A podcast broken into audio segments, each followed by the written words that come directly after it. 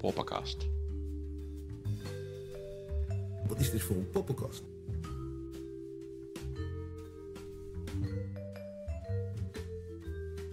Poppenkast.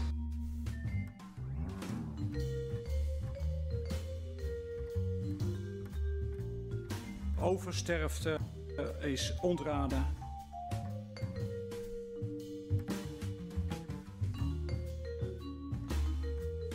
Toneer gewoon op de poppenkast. Ja, ja, ja, oprecht ja. Ja, omdat, het, omdat het prachtig is. Poppenkast.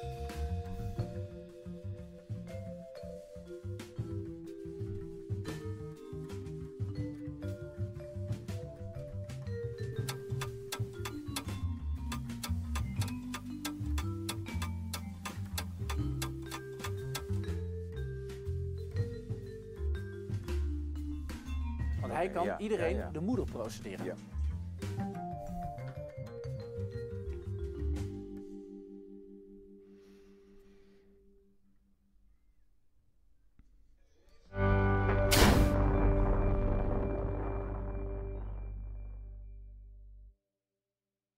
Zo, daar zijn we weer. Daar zijn we weer. Dit keer, eh, als het goed is, alles in één keer goed. Hè? Was vorige week was het een beetje een puinhoopje. Dus, eh ja. Moet ook af en toe kunnen, hè? Kan niet altijd alles eh, in één keer... eh kan niet constant altijd supergoed zijn en zo, denk ik dan. Ugh, ja. Nou, ik in ieder geval weer eh, even alles goed uitgewerkt en zo. Kijken of het allemaal een beetje, een, beetje, een beetje goed staat. Even mijn OBS gecleaned en zo. In ieder geval welkom. Welkom weer bij, bij Paffy met Poppenkast. Dan gaan we weer eens even flinke paffen en poppenkasten of zo.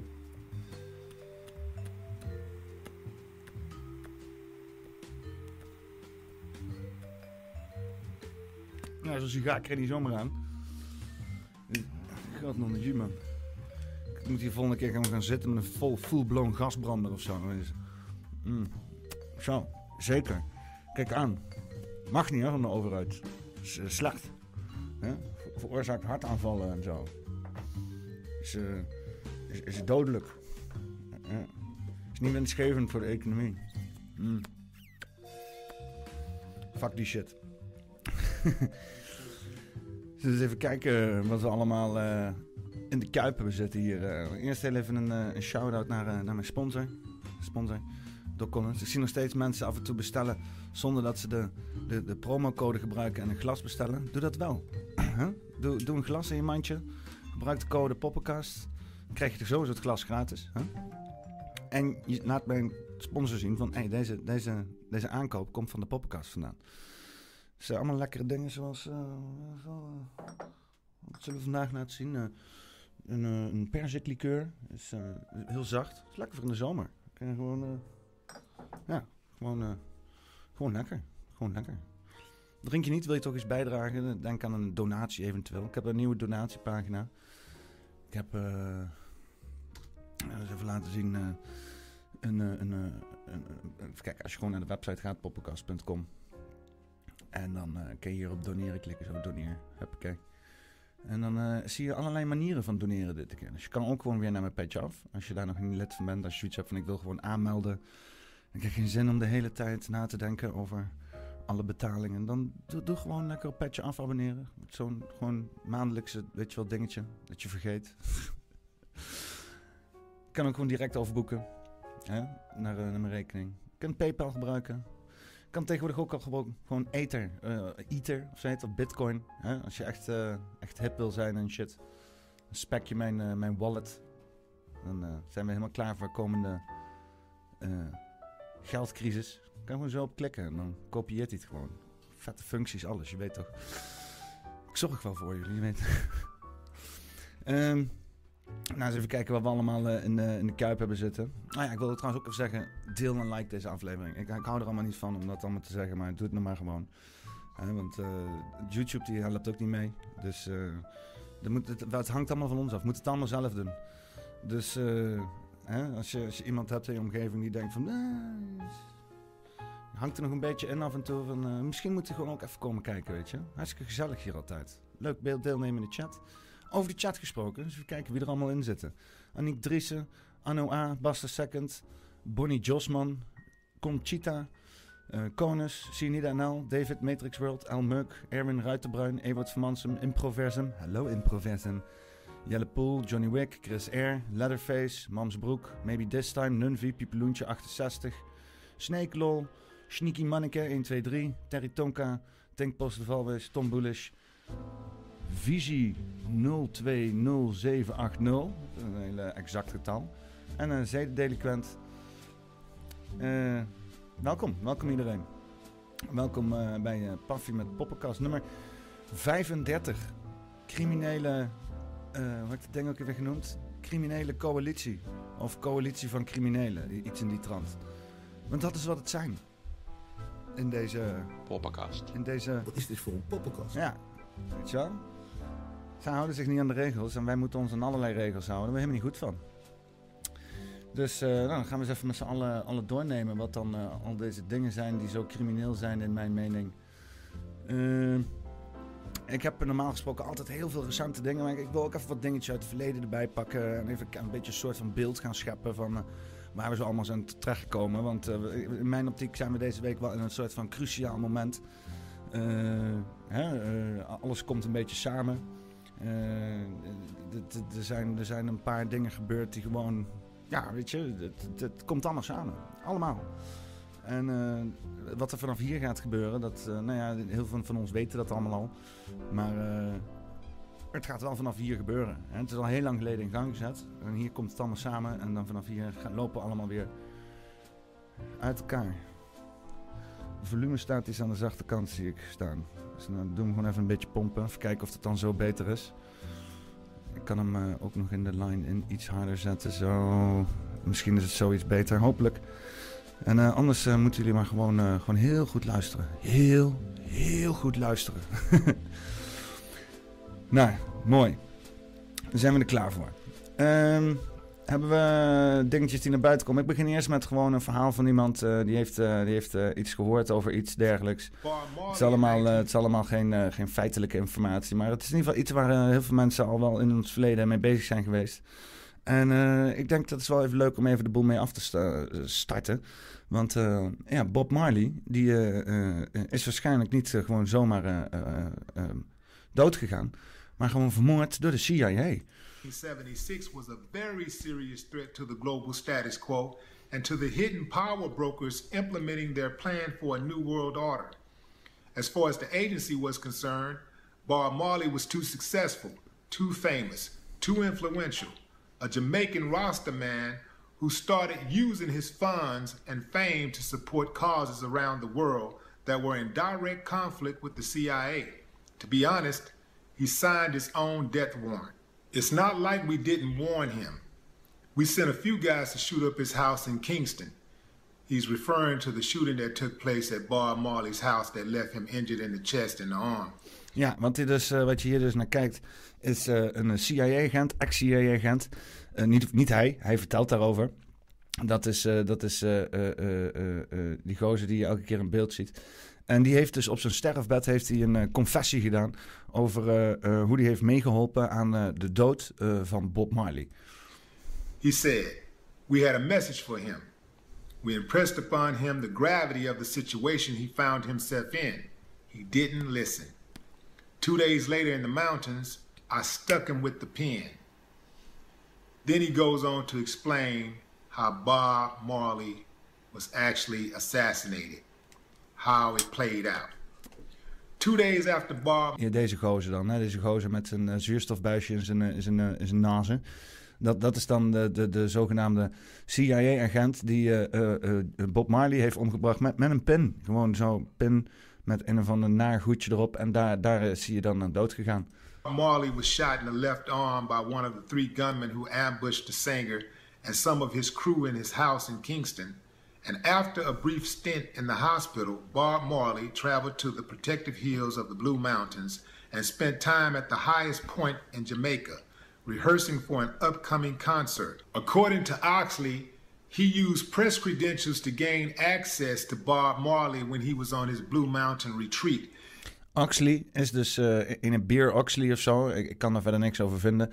Dat is schijnbaar de zogenaamde eh, CIA-agent die dus uh, de, de, de, de moordaanslag op Bob Marley, de nogal zeer geheimzinnige moordaanslag op Bob Marley, heeft bewerkstelligd. He introduced himself as a famous photographer for the New York Times, and he presented Bob Marley with a gift. I gave him a pair of Converse All Stars, size 10. When he tried on the right shoe, he screamed out, ouch. That was it. His life was over right then and there. The nail in the shoe was tainted with cancer viruses and bacteria. If it pierced the skin, which it did, it was good night nurse. There had been a series of high profile assassinations of counterculture figures in the United States in the late 60s, early 70s. By the time Bob Marley's time came around, we thought subtlety was the order of the day. No more bullets and splattered brains. Oxley claims that he kept in close contact with Bob Marley during the later years of his life, ensuring that the medical advice that he received from the doctors in Paris, London, and the United States would hasten his demise rather than cure him. Oké, dus we hebben het hier over uh, nogal uh, sneaky. Hè? We hebben het soms wel eens over een heart attack gun van de CIA en dat soort zaken. Maar ja, het is gewoon uh, ja, veel banaler als dat. Gewoon iemand die dicht bij je wordt gezet. En die gewoon prikt met een of andere kankervirus of weet ik veel wat. En dan gaan ze daarna erbij staan voor de komende tijd. Om te zorgen dat je ook daadwerkelijk doodgaat, weet je wel. Een beetje van die, van die Michael Jackson-achtige tafereelen en zo. Dus uh, nou ja, om even mee te openen, om even de toon te zetten. Uh, dit, dit, dit nieuws, dat dus inderdaad een CIA op uh, de. Ik zeg even ook een comment. Popcast misschien wel een goede om Bob een keertje als achtergrondmuziekje te gebruiken. Er is tenminste één fan in je chat. Ja, heel veel mensen die zeggen altijd van ja, je kan veel betere muziek uh, gebruiken als achtergrond. Maar luister mensen, ik moet voldoen aan auteursrechten. Weet je wel, wat auteursrechten. Dat, ik kan niet zomaar iedereen zijn muziek gebruiken, jongens. Jezus man. Snap dat dan eens. Dus uh, ik heb uh, goedkope, gratis, rechtenvrije jazz op de achtergrond. Hè? En het is inderdaad geen Bob Marley. Het is geen, uh, wat kreeg ik laatst ook weer een of andere grote artiest of zo. Uh, hè? Nee, nee, dit is, dit is gewoon gratis fucking rechtenvrije muziek. Ja? Dat, is, dat is goedkoop en zo. En, en, dan wordt ook niet mijn hele shit van YouTube afgehaald. Dus het is, het is gewoon, het is wat het is, mensen. Snap dat dan. Ik weet wel wat ik aan het doen ben. Maar goed advies hoor. Nee, afijn. Dus uh, Bob Marley, om de toon te zetten. Vermoord door de CIA, waarschijnlijk net zoals een John Lennon en een Michael Jackson. En weet ik voor alle mensen die een positief bericht en eenheid willen creëren. Want dat is natuurlijk niet gunstig voor de powers that be. Die willen dat we allemaal verdeeld zijn en consumeren en verdwaald raken. En niet de kracht in onszelf vinden, maar juist afhankelijk zijn en verdwaald. En op zoek naar iemand die ons gaat begeleiden. Nou, laat staan bijvoorbeeld de overheid en zo. En uh, uh, ja ja, blijft dat dan alleen bij artiesten? Nee, want artiesten die, die, die dus zijn, zijn bezig met de cultuur en dat is een achtergrond en uh, die, die, die hebben nooit, ja, die zijn nooit direct in aanval. Dus dat moet ook allemaal sneaky op de achtergrond gebeuren, weet je. Dat het kan allemaal niet zomaar op front. Wat wel heel op front kan, omdat er natuurlijk altijd rondom dit soort figuren, zoals bijvoorbeeld politici, heel veel uh, ja, verdeeldheid wordt gezaaid. Dat is het hele idee van politiek. Hè? dat wat ene uit elkaar trekken en tegen elkaar opzetten. Kan je dus inderdaad met politiek een wat meer obvious aanpak doen. Hè? Kan je gewoon wat meer obvious aanpak doen, omdat er dan ook de tegenstanders heel erg blij zijn. Um, nou, bijvoorbeeld uh, een JFK. Een JFK, weet je wel. Die is gewoon voor iedereen's ogen gewoon neergeknald. En uh, dan kan je dat gooien op van... Uh, ja, dit gebeurt er vanuit het publiek... of nooit vanuit een of andere inlichtingendiensten... Maar vanuit, vanuit het publiek kan, kan, je dit verwachten. Dus als publiek persoon moet je maar gewoon heel erg uitkijken... wat je allemaal zegt. Laten we eens even kijken hoe de JFK-assassination is verlopen. Volgens zijn, zijn, neef Robert F. Kennedy, die dus nu als president runt voor 2024, die dus daar, daar openlijk over spreekt. Blaming the CIA for assassinating. Even overnieuw, hè? Uh, Democratic White House contender Robert Kennedy Jr. blaming the CIA for assassinating his uncle. former President John F. Kennedy back on November 22nd, 1963. There's a 60 year cover up. Uh, the, you know, the Warren Commission was run by Alan Dulles, who was the head of the CIA, who my uncle fired. Congress found that, yeah, it was a plot. It was a conspiracy. There were multiple people involved. RFK Jr. adding there is overwhelming evidence that the CIA was involved in this murder. I think it's beyond a reasonable doubt at this point. The CIA, of course, calls claims the agency was involved in the assassination of JFK a lie.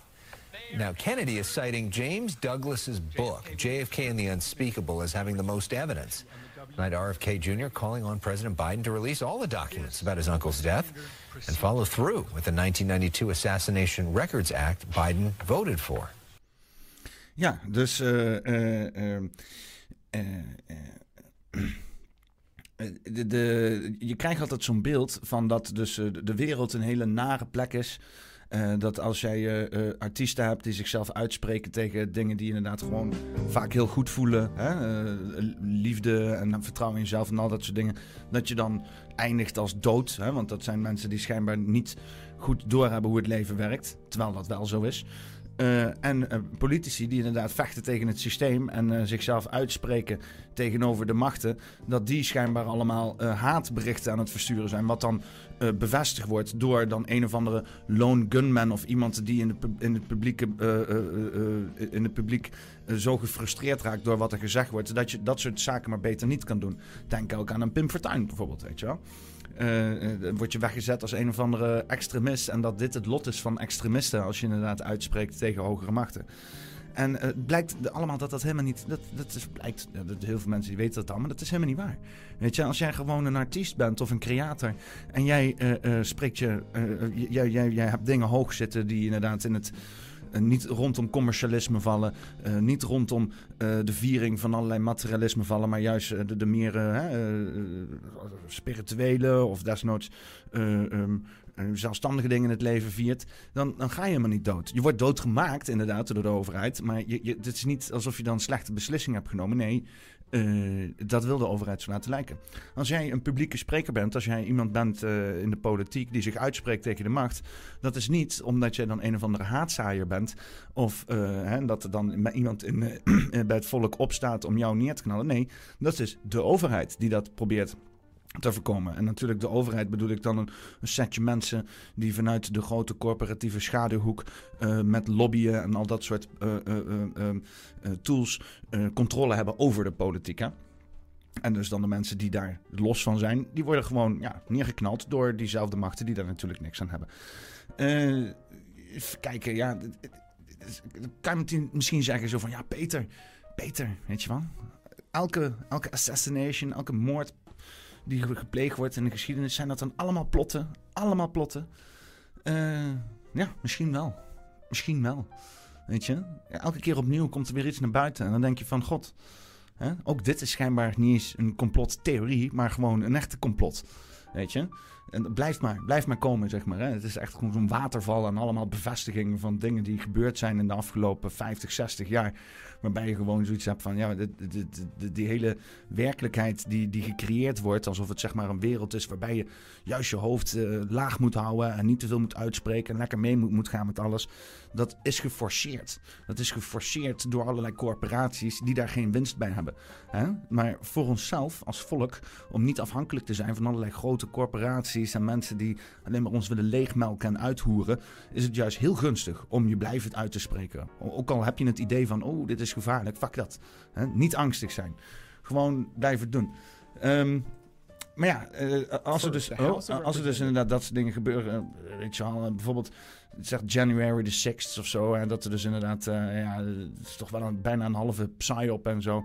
Uh, ja, waarbij je dan zegt van ja, dat is allemaal in scène gezet, dat is allemaal ook daarna onredelijk ehm, behandeld, hè, want die mensen waren helemaal niet daar om de, om de overheid te, te, te omver te werpen. Ze waren daar om, om iets te vieren, om zichzelf uit te spreken.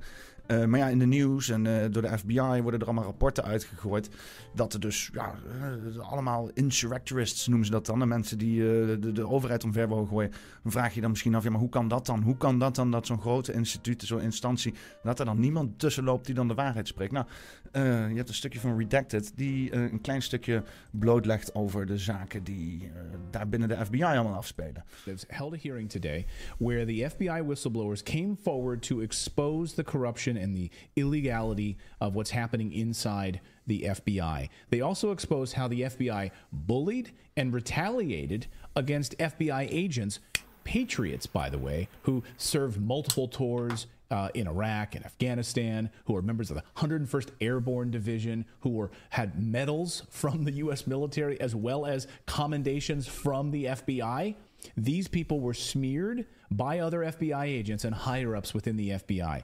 And they were retaliated against by the FBI, who saw this corruption going on.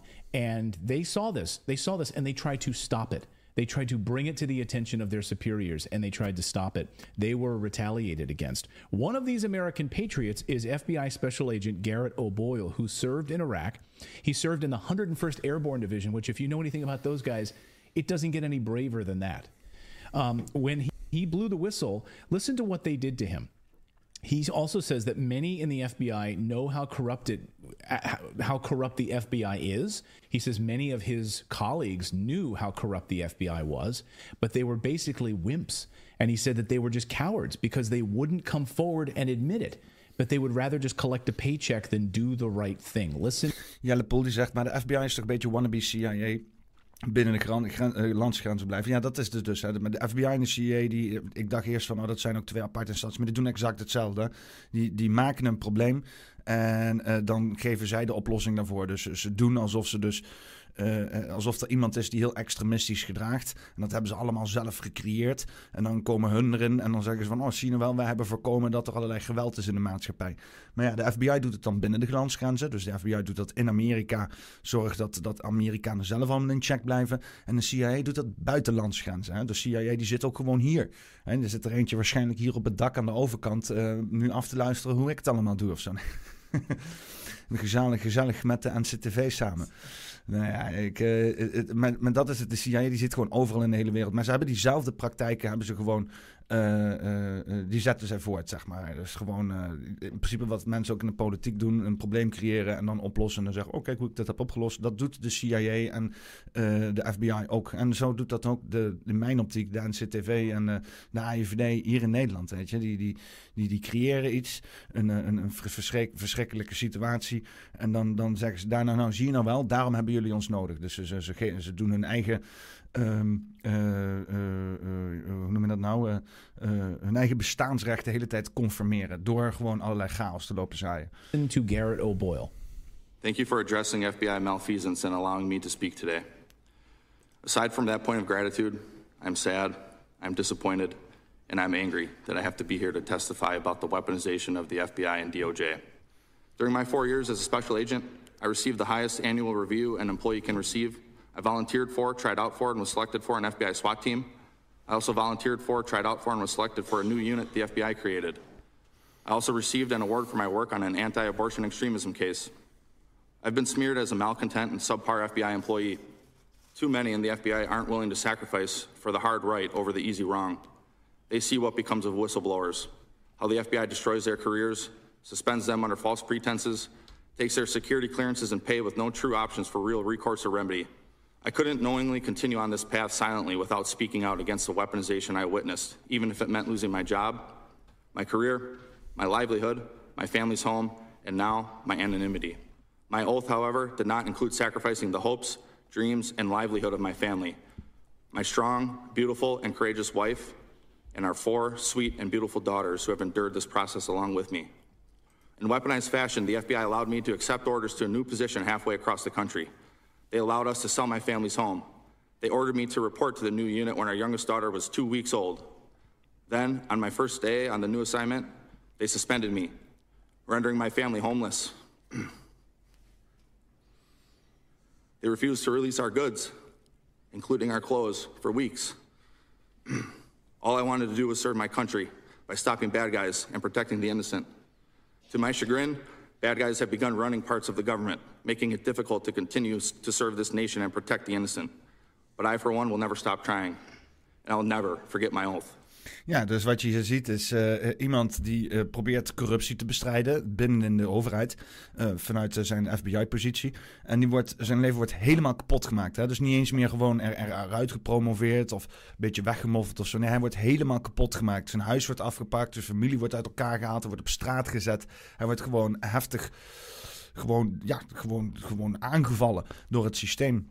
En um, uh, uh, hij zegt dus ook heel mooi van het lijkt wel alsof uh, gedeeltes van de overheid alleen nog maar gerund worden door, door, door zekere criminelen. En ja, je hebt dus inderdaad ook gewoon heel veel, heel veel verschillende uh, voorbeelden dat dus uh, de CIA na de Tweede Wereldoorlog samen met de Italiaanse maffia is gaan of de CIA, de, wat toen bijna de CIA was, samen met de, de maffia in, in, in Amerika is gaan samenwerken om dus uiteindelijk de CIA te worden. Hè? Dus, dus gewoon hele machtige criminele organisaties die zijn uiteindelijk onderdeel geworden van de overheid om dan uiteindelijk dat soort praktijken allemaal op groot niveau door te zetten.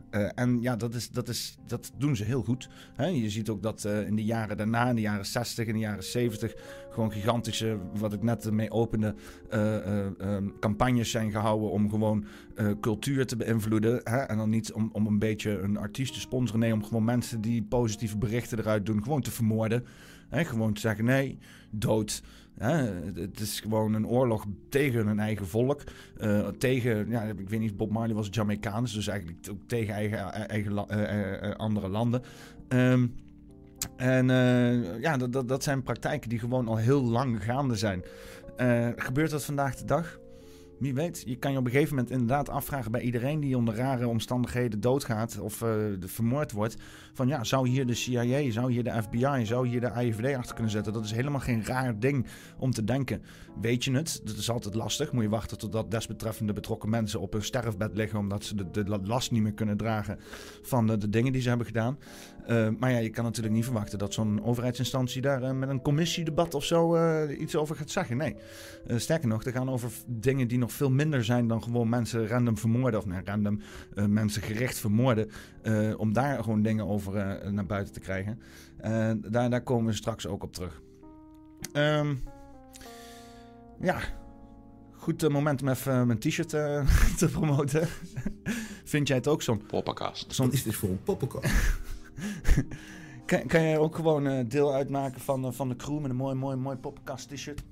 Mooi poppenkast is het. Ik zet even een link in de, in de beschrijving. Oh, wacht. Dat is niet, uh, dat is niet te denken. Dat is mijn uh, link naar, uh, naar mijn Bitcoin-account. We hebben die even, even, gewoon lekker, lekker houden op de plek waar die hoort te zijn. Namelijk op de donatiepagina. Maar um, ja, hier. Jelle heeft hem al gepost. De, de, de link die Jelle post. Dank je Jelle. Dat is, dat is de link naar het t-shirt. Er zijn niet heel veel meer XXL en XL shirts. Waarschijnlijk zijn jullie allemaal flinke jongens. En dames, flinke jongens en dames. Er zijn nog wel heel veel large en mediums en, en small, heel veel small. Hè, dus, dus ben je klein en wil je een t-shirt, dan, dan is dit je uitgelezen kans. Ach ja, nou ja. Um, is er nog meer rare shit gaande in de wereld? Ja, zeker. Er blijft maar rare shit gaande zijn. Het is wat ik zeg. Het is uh, gewoon uh, aan één stuk door. Uh, gewoon rare shit. Um, nou ja, rare shit. Ik vind het niet eens meer raar. Alleen het, het, het komt gewoon allemaal één voor één naar buiten. En ja, over allerlei rare CIA-agenten gesproken. Want vroeger had je dan schijnbaar dus een of andere dude. Die ging dan een artiest achterna lopen. En, en die moesten dan prikken met, met een met een naald en dan ging die dood en zo. Uh, uh, wat het, wat het, nare ervan is voor bijvoorbeeld zo'n CIA... is dat de meeste artiesten die echt mooi werk leveren... Uh, vaak een legendarische status krijgen op het moment dat ze sterven. Dus je zou kunnen zeggen, werkt dat effectiever of niet? Wat ze beter kunnen doen is allemaal mensen in discrediet brengen... om mensen de mond te snoeren. En uh, een van die uh, hele effectieve campagnes van de afgelopen tijd is bijvoorbeeld een Jeffrey Epstein geweest. Hè? Dat, dat, dat was schijnbaar dan ook een soort van uh, CIA-operatives. Je hoorde dat zijn eh, geld. Eh, hè, ze zeiden dat hij een investmentbanker was, een hedge fund manager. Eh, maar dat, dat bleek allemaal onzin te zijn. Dat geld wat, wat, wat hij had, dat was helemaal niet van hedge funds en zo. Hij werd schijnbaar gewoon gesponsord via allerlei black budgets. Laten we zeggen black budgets van de overheid. Om mensen af te persen. Om allerlei zaken voor elkaar te krijgen. Dat mensen gewoon in discrediet werden gebracht of gewoon een dicht houden. Zodat, om te voorkomen dat zij daadwerkelijk een positieve bijdrage konden leveren aan de wereld. Nou, nu is er heel veel te zeggen over bijvoorbeeld een Bill Gates. Of die nou echt een positieve bijdrage wil uh, leveren aan de wereld. Um, maar ja, dat hij bijvoorbeeld geblacks, uh, geblacksteend, geblackmailed door Epstein is. Nou, ik vind het wel een mooie, geblacksteend is. Um, uh, dat komt er nu schijnbaar dus ook allemaal naar buiten. Dus laten we even kijken naar Wion, het Indische nieuwsnetwerk, over hoe we praten dat Jeffrey Epstein Bill Gates heeft geblackmailed, geblacksteend. Have emerged that reveal complex interactions between. Die fucking Indiërs hebben we allemaal zo'n irritante stem. Het is echt ongelooflijk. The infamous financier Jeffrey Epstein and billionaire Microsoft co-founder Bill Gates. The convicted sex offender Epstein appears to have threatened Bill Gates and tried to blackmail him over his extramarital affair with a Russian bridge player. This is as per a report published by the Wall Street Journal. Now, according to the report, Epstein had sent an email to Gates in 2017 in which he threatens Gates about his alleged affair. He did this after multiple failed attempts to convince Gates to join his efforts to establish a large charitable fund with JP Morgan. The affair, which he was talking about, involved a romantic relationship in 2010 with a Russian bridge player named Mila Antonova, who was then in her 20s. The tech billionaire was married to Melinda Gates from 1994 to 2021. Epstein reportedly met Antonova later in 2013 when she was trying to get funding for a business that would teach others about the game she loved. Though Epstein ultimately didn't make the investment, he paid for her software coding school education. Antonova, who has uh, now told the Journal that she did not know about Epstein's crimes at the time, during the time Epstein met uh, Antonova, he himself was trying to set up his own charitable fund. He was seeking to do it with JP Morgan, which would require ultra wealthy individuals to make contributions. This is when he repeatedly approached Gates to join his efforts. However, Gates declined. Epstein then resorted to using his knowledge of Gates's affair to send a threatening email in 2017 demanding reimbursement for Antonova's coding camp tuition. It is unclear whether Gates and Epstein had any further contact after this incident. Epstein's connections with JP Morgan Bank are under scrutiny due to an ongoing lawsuit.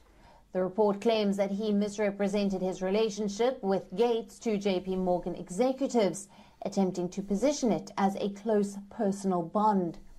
However, the bank has now expressed regret for its association with Epstein. Federal prosecutors charged Epstein with sex trafficking, a minor, and conspiracy to commit sex trafficking in 2019.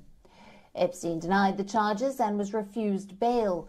He died months later in custody in an apparent suicide. Ja, eh, hij is dus gesuicide. Hè? Dus dan zijn ze hier uh, heel erg, uh, heel erg terughoudend in wat er dan daadwerkelijk gebeurd is. Want uh, ja, Epstein die is dan uh, zogenaamd, uh, heeft hij zichzelf opgehangen in, in de gevangenis. Maar we weten allemaal dat die gozer wou gaan spreken. En dat het celletje waar hij in zat, wat nog nooit de, de gevangeniscomplex is van het... Um, van uh, de, de, de Department of Justice zelf, zeg maar. Dus een heel erg bewaakt gebouw. Uh, waarbij, hè, eh, ik bedoel, je kent het hier in Nederland als je ooit eens een keer een siteje hebt gezeten. Je riem moet eraf, je fates moeten eraf. Je, er is geen mogelijkheid om jezelf nergens aan op te hangen. Maar deze gozer is gewoon keihard gesuicide. Hè. Alle gevangenen die daar zaten, die zijn allemaal naar andere plekken gezet. De camera's die vielen uit. De mensen die uh, daar, daar zogenaamd dan iets van hebben gezien, die kan je niet meer te spreken. Het is allemaal één grote shady business gaande. En wat je nu ook hebt is ja, er was twee weken geleden dat dus die Epstein-files naar buiten kwamen. Bovenop dat er al heel veel Epstein-files naar buiten zijn gekomen. Maar er is een Twitter-account, het heet Jeffrey Epstein News. Het kan zijn dat het een troll-account is, maar tot nu toe wat hij heeft gepost, dat klopt in ieder geval wel. Zijn nog maar twee berichten. Waarbij hij dan één voor één allerlei dingen naar buiten gaat brengen over wie er dan allemaal betrokken bij zou zijn. Een van die mensen is William Burns Die uh, dus inderdaad de director of the Central Intelligence Agency was, dus de CIA. Hè? En uh, die, die had dus inderdaad heel vaak afspraken met Epstein. En dan kan je zeggen van, nou, dit was dan om dan lekker gebruik te maken van dat eiland en een beetje gecomprimenteerd te worden. Of hij was bijvoorbeeld degene die dan die opdrachten gaf van Jeffrey Epstein. In ieder dat die banden tussen de CIA en Epstein er waren, dat mag, maar, dat mag gewoon heel duidelijk zijn. Um, ja, dus wat een opener. Hè? Wat een opener van, van deze paffie. Een hele hoop ja, wandaden van overheden. CIA, inlichtingendiensten, FBI, uh, in het verleden. Uh, ik kan er donder op zeggen dat het allemaal in het heden gebeurt. Wat je kan zien in bijvoorbeeld die hele Epstein gebeuren. Dat zijn gewoon uh, gigantische honeypot operations waar mensen erin geluisterd worden en dan gewoon geacht worden om hun bek dicht te houden. En als ze hun bek niet dicht houden, dan worden ze gewoon wel vermoord. Wie is er nog meer vermoord? Hè? Kurt Cobain, Amy Winehouse? Wie, weet het? Wie, weet het gewoon niet. Dus, dus, uh, uh, maar ja, dat, in de onwetendheid kunnen we net zo goed gewoon speculeren. Doet het nieuws toch ook? Doet, doet het nieuws toch ook? Als, er geen extra informatie is, dan gaan ze gewoon speculeren. En gaan ze gewoon zeggen van nou, misschien is dit wel gebeurd, misschien is dat wel gebeurd. Dus waarom zouden wij dat niet mogen? Uh, gewoon lekker blijven speculeren mensen. En als hun gewoon niet met duidelijke informatie komen over bepaalde zaken, dan moet je er gewoon vanuit gaan dat, ja, dat het ergste waar is. Um, ja, zijn er nog meer gezellige dingen bezig in de wereld? Uh, nou ja, zaken zoals uh, de oorlog in Oekraïne. ja, de, de, de, wat wij... Wat wij nou, wat er... De, Oké, okay, oh, ja, jij valt zeg maar... Oh, jij zegt uh. Ja, inderdaad. Op nu.nl zeker, of niet? Ja, dat dacht ik al. Dus, dus een mooi voorbeeld. Mijn uh, gast hier in de studio die zegt van... Oh, de Russen verlaten hun posten. De Russen die, uh, die, uh, die vertrouwen niet meer in de oorlog. Zo zijn wij allemaal, in ieder geval de mensen die inderdaad veel nu.nl lezen... de hele dag blootgesteld aan allerlei oorlogspropaganda... over hoe, hoe de oorlog daadwerkelijk loopt. Want wat wij de afgelopen maanden dan wel niet half jaar hebben verteld gekregen... is dat Bakhmut zo'n beetje het front is van de oorlog... en dat Oekraïne heel erg gesterkt is en enthousiast is... en dat zij heel veel grond kunnen winnen. Nou... Uh, laat mij jou uit die droom helpen.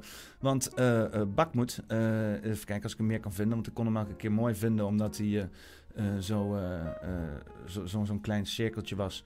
Die dan nog net niet gekaapt was. maar nu, nu is hij wat moeilijker te vinden. ik kan hem net dat ik hem er heel mooi voor zetten. Zo. Nou, kom eens aan. Bakmoed, jongen. Waar is Bakmoed? Ik kan Bakmoed nooit vinden. Wat is dit nou?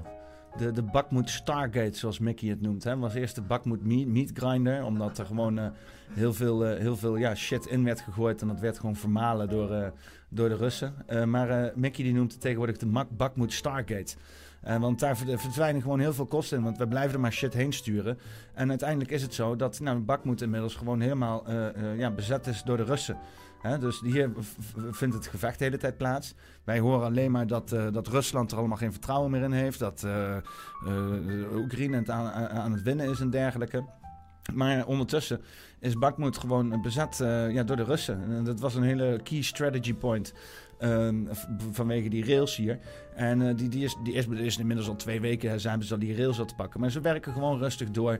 En het hele bakmoed is inmiddels gewoon helemaal um, um, vervangen. En dan kan je zeggen, Peter, wat is dit voor shady map? Hè? Dit zijn allemaal Twitterberichten. Dit is allemaal... Uh, uh, huh? Ik dacht dat Bakmoed helemaal van Oekraïne was. Ja, nee, Bakmoed is van Rusland. En dan kan je zeggen van, hoe kan dat nou? Want, want, want ja, wat, wat zijn dit dan voor voor, voor berichten op je Telegram-account. Nou, de NOS die, uh, laat het uh, tegenwoordig ook gewoon weten. Dus laten we even een stukje uh, kijken. En dat zelfs de NOS er niet meer onderuit komt. Hè? Na maanden strijd lijkt de onneembare vesting Bakhmut gevallen. Een gehaktmolen, een herhaling van de Eerste Wereldoorlog, een hel op aarde. Zo werd de slag om het Oost-Oekraïnse stadje Bakhmut door analisten genoemd. Maar eigenlijk heeft de slag geen vergelijking nodig.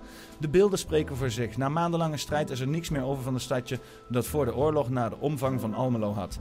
Na nu na ongeveer een jaar vechten lijkt het mijnstadje in de Donbass gevallen.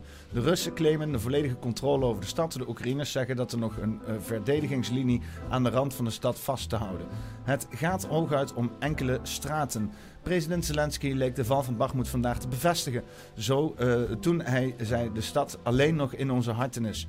Uh, maar de woordvoerder legde later uit aan Zelensky de claim van de Russen dat zij de stad volledig in handen hebben, juist tegenspreekt. De gevechten aan de flanken van de stad gaan ondertussen door en een reconstructie uh, uh, van de slag om Bakhmut tot nu toe. Dus ja, wat ik hier dus wil mee zeggen is dat we dus inderdaad heftig, constant uh, allerlei berichten krijgen over, over ja, hoe het zit hè, met, met, met Oekraïne. Dat we aan het winnen zijn in Oekraïne, want oh, het gaat allemaal zo goed. En, want er moet positieve geluiden hier naar binnen krijgen, zodat we allemaal nog enthousiaster worden. dat we inderdaad zeggen van, oh ja, oorlog, oh, stuur nog meer wapens, want het heeft allemaal zoveel effectiviteit. laten we nog meer shit daarheen sturen ten koste van onze belastinggelden. En nou, geld is nog maar geld. Hè? Maar laten we nog meer mensen de dood injagen. Laten we nog meer aanjuichen voor die president Zelensky. Want alle levens die er allemaal kapot aan gaan, dat is het allemaal waard. Want Poetin is de natie en Poetin die moet kapot. Nou, eh, niks van dat is waar. Al die shit is gewoon alleen maar een oneindige fucking stroom aan oorlogspropaganda. Uh, die Russen die zijn daar gewoon keihard aan het ownen. Alle materiaal wat we daarheen sturen, dat wordt gewoon instant naar de gat vergeholpen. Het heeft helemaal geen zin. Uh, die Oekraïners zijn helemaal niet zo positief over over de vorderingen. En dit is gewoon weer de zoveelste dorp, stad, key strategy point die ten slachtoffer valt aan de gigantische artilleriekracht van, van Rusland. En dan vraag je je af van ja, waarom dan? Waarom is ons nieuws nou niet eerlijk? Waarom krijgen wij dan te horen dat, dat het allemaal zo goed gaat? Nou, uh, laat uh, ons dat eens even uitleggen door onze mooie minister van whatever the fuck. Ik weet niet eens meer wat Wopke Hoekstra is inmiddels. Maar dat hij dus, ja, dat, dat we dus inderdaad in een positieve vibe moeten blijven rondom dat gevecht van, van, van, van, van Oekraïne. De Britse RVD, Downing Street, heeft wel duidelijke verklaring naar buiten doen laten gaan. Ja. Over hè, de twee premiers gaan samenwerken om vliegers te trainen om te zorgen dat we F-16 kunnen verkrijgen. Um, is, is, er dan zeg maar ruis op de lijn tussen wat wel en wat niet naar buiten dient te komen? Nee, weet u, ik heb in de, in de Kamer gisteren ook gezegd, want toen werd uh, deze woordvoerder aangehaald. Ik geloof dat Le Monde werd ook nog aangehaald. Toen heb ik opnieuw gezegd dat, ja, hoe ongemakkelijk dat misschien ook is, wij pas naar buiten kunnen op het moment dat die hele route is gelopen. En, en, en dat ik het ook niet verstandig vind, uh, ook richting alle gevoeligheden en de bondgenoten, om, om eerder uitspraken te doen. Dus er zijn geen taboes. Uh, wij willen alles onderzoeken, maar we kunnen sommige dingen ook niet in ons eentje besluiten. Zelfs niet als je ze dolgraag zou willen. Dus die internationale coalitie, daar wordt dus aan gewerkt? Maar dat hebben we eerder al. We hebben eerder al met elkaar gezegd dat we, dat we, dat we op dit dossier, maar dan abstraheer ik hem toch weer van de vliegtuigen en het trainen, altijd willen kijken naar wat er wel kan. Dat hebben we bij de panzerhouwitsers gedaan. Dat hebben we gedaan bij het kopen van de T-72's. Dat hebben we gedaan bij de Leopard-coalities. Zeer intensief contact over. Ja, dus inderdaad alle meuk die daarheen is gestuurd. Hè? Al die meuk die bij ons gewoon weg staat te roesten. Dat gaat allemaal naar fucking Oekraïne toe. Zodat er straks een reden is om allerlei nieuwe apparatuur in te kopen hiervoor. Whatever de fuck voor een oorlog er straks aan gaat komen met wie dan ook. Hè? Maar eh, dat wordt allemaal die kant op gestuurd. Dat mag allemaal de meatgrinder in of de Stargate in. Dat wordt allemaal gewoon erin gedouwd zo. En uh, dat mag allemaal maar wat kosten. Interesseert allemaal geen reet. Want, oh ja, Oekraïne die is zo goed bezig. Die is aan het vechten tegen fascisme. Die is aan het vechten tegen de grote boze, uh, uh, grote boze beer. En wij moeten er allemaal achter staan. En als je dat niet bent, dan ben jij een nazi-fascist. Hitler-persoon of zo, weet ik veel. Het is allemaal, allemaal fucking propaganda. Het is een één grote bak propaganda. En het is allemaal. Natuurlijk draait het allemaal weer om geld. Hè? Het draait allemaal niet om uh, uh, uh, vrijheid en het, het vieren van, van alle waarden die wij hoog hebben zitten. Nee, dit draait allemaal om ching ching ping ping. Hè? Dat is waar al deze mensen naar hun levens naar de kloten voor worden geholpen. Dit is waarom Oekraïne met naar de gat voor wordt geschoten. Alleen maar om meer geld te kunnen verdienen voor de grote oorlogsmachine. Nou, ik kreeg een, ik kreeg een berichtje van, van Ewout. Die zei in de chat van. die heeft iets in Club Allehoed gestuurd. Dus even kijken, dat we dus een bedankje hebben gekregen. dus even kijken of ik dat erbij kan poppen zo. Oké, oh, dan hebben we...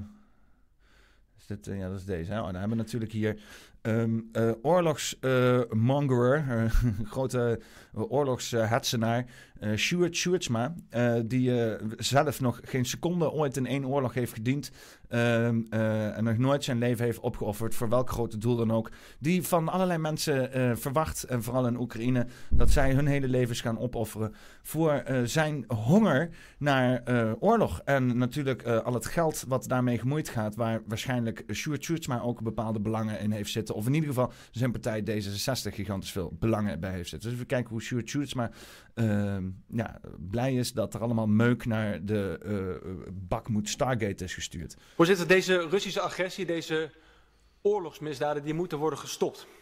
En daarom moeten wij, vindt D66, wapens blijven leveren. Ну что, ребята, блядь, всем известно, что Бонов съебался в Польшу. До Польши я наконец-то доехал, блядь. Сейчас жду, блядь, подтянется Сергей Аркадьевич, блядь, и мы будем праздновать. Lol. Ja, ja, dus het hele Azov-bataljon, uh, wat uh, natuurlijk een grote dubieuze teringzooi is.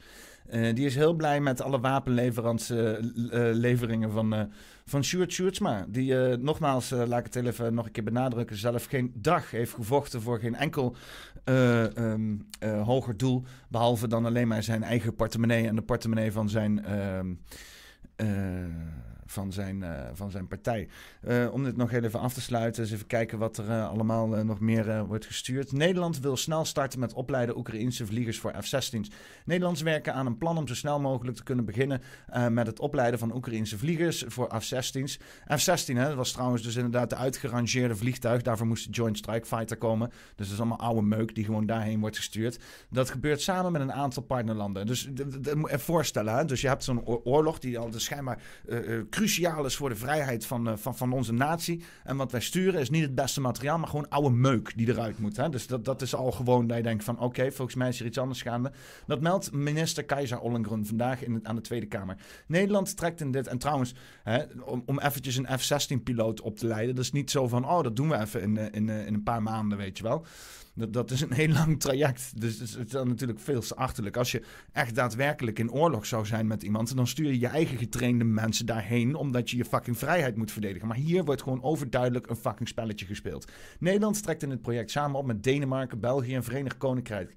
De verwachting is, uh, is dat meer landen mee, uh, mee, zullen doen. Ook zal er een belangrijke rol zijn voor de industrie. Voor de industrie. Hè? Ching, ching, ching. Voor, volgens minister Ollongren lijken de landen ook uh, naar mogelijkheden om op lange termijn en duurzame wijze invulling te geven aan de Oekraïnse trainingsbehoeften. Nou, je kan me voorstellen dat, weet ik veel, een of ander instituut zoals in Holland of zo, weet ik veel, een of andere opleidingsinstituut natuurlijk weer allemaal, ja, gaan allemaal weer gewoon uh, uh, nee, nee, nee. Er gaan allemaal weer consultancies, bureaus en allemaal mensen die waarschijnlijk ook partijbelangen financieren. Die er allemaal gewoon weer grof geld aan lopen verdienen. Allemaal in het, in het naam van we moeten de vrijheid uh, beveiligen. Maar dat is allemaal onzin. Dat slaat helemaal nergens op. Als we echt de vrijheid uh, zouden. Als onze vrijheid echt op het spel stond. Hè, als we dus echt inderdaad een groot gevaar zouden hebben. dan zouden we ons beste beentje voortzetten. En dat doen we hier gewoon niet. We zitten oude meuk te sturen. We zitten halverwege in een oorlog te praten over dat mensen misschien opgeleid moeten worden. Het slaat allemaal fucking nergens op. Dit is gewoon een industrie. Het staat hier notabene op de website van de Rijksoverheid. En dus na dan uh, alle mensen die daarheen zijn gestuurd om propaganda te sturen. En Nederland was er bovenop aan het begin van de oorlog stond er bovenop op om allerlei professionals die kant op te sturen om uh, de informatieoorlog uh, uh, in banen te leiden. alle munitie die daarheen is gestuurd, alle wapens die daarheen is gestuurd, alle tanks die daarheen zijn gestuurd. Nu dus ook inderdaad F-16's daarheen sturen. want schijnbaar werkten die tanks niet. was een hele gebeuren, toch? Ja, als die tanks te sturen, dan kunnen we eindelijk de Russen aan. En nu is het F-16's. En wat, wat, wat, gaan we straks sturen? Gewoon een paar kernbommen erheen gooien of zo? Hier, ga hier maar lekker mee spelen. Um, ja, dit is, dit is allemaal hooglijk verdacht. Uh, ik, ik geloof er helemaal, uh, helemaal geen zak van. Um, mag de mic aan van je gast, zodat wij hem haar ook kunnen horen? Nee. nee, dat mag niet. Sterker nog, je moet gewoon je mond dicht houden. uh, ja, oorlogspropaganda mensen. Het is, allemaal, uh, het is allemaal één groot spelletje voor die mensen. Het, het, heeft helemaal niks te maken met onze vrijheid verdedigen. Het heeft helemaal niks te maken met een grote vijand, die, vijand bestrijden die uh, gevaar is voor onze democratie.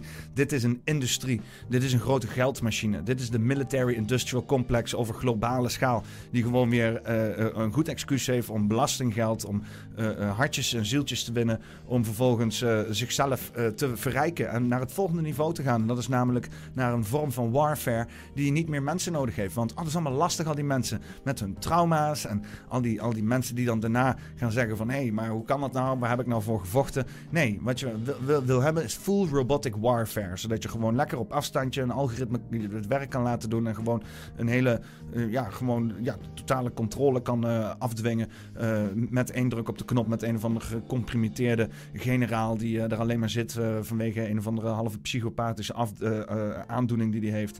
Of omdat hij iets te vaak op Jeffrey's Epstein's Island is geweest of dat soort onzin. Hè? Pratende plant, ja, ja, ja, inderdaad. Ja, dit is mijn pratende plant die hier zit. Ja, nee, dus ja, die hele oorlog ook wederom poppenkast. Eén grote fucking... Wat is dit voor een poppenkast? Ja, dat is, het is, het is, uh, ik, ik, heb nog steeds mensen die dan, en ik zie het ook, en ik hoorde het hier inderdaad ook van Gijs, van, maar hoe zit het dan? Uh, Oekraïne is toch aan het winnen? Nee, Oekraïne is niet aan het winnen. Hè? En ook mensen die inderdaad meedoen aan die meme warfare, die dan denken van, oh ja, ik ben lekker bezig, want Poetin is, is, is, het kwaad. Je laat je fucking gebruiken door die hele fucking informatiecampagne. Hè? Het is allemaal slecht. Ik zeg niet dat Poetin goed is. Ik ben geen Poetin-versteer. Ik vind het allemaal uh, een stelletje puppets voor uh, de grote belangen. Zowel Poetin, zowel Sjoerd maar, die mensen die op de grond staan, elkaar helemaal naar de gat aan het schieten. Die gewoon burgers zijn, die gewoon levens hebben, die gewoon, ja, hè, eigenlijk gewoon gezellig met hun gezin samen uh, een beetje aan het boeren moeten zijn. Die zijn nu elkaar het lijf aan het, het, lijf, het hemd van het lijf aan het vechten. Zodat zo'n military industrial complex en alle investeringen die erin zitten, zoals bijvoorbeeld een BlackRock, die notabene en in Oekraïne en in Rusland allemaal investeringen heeft,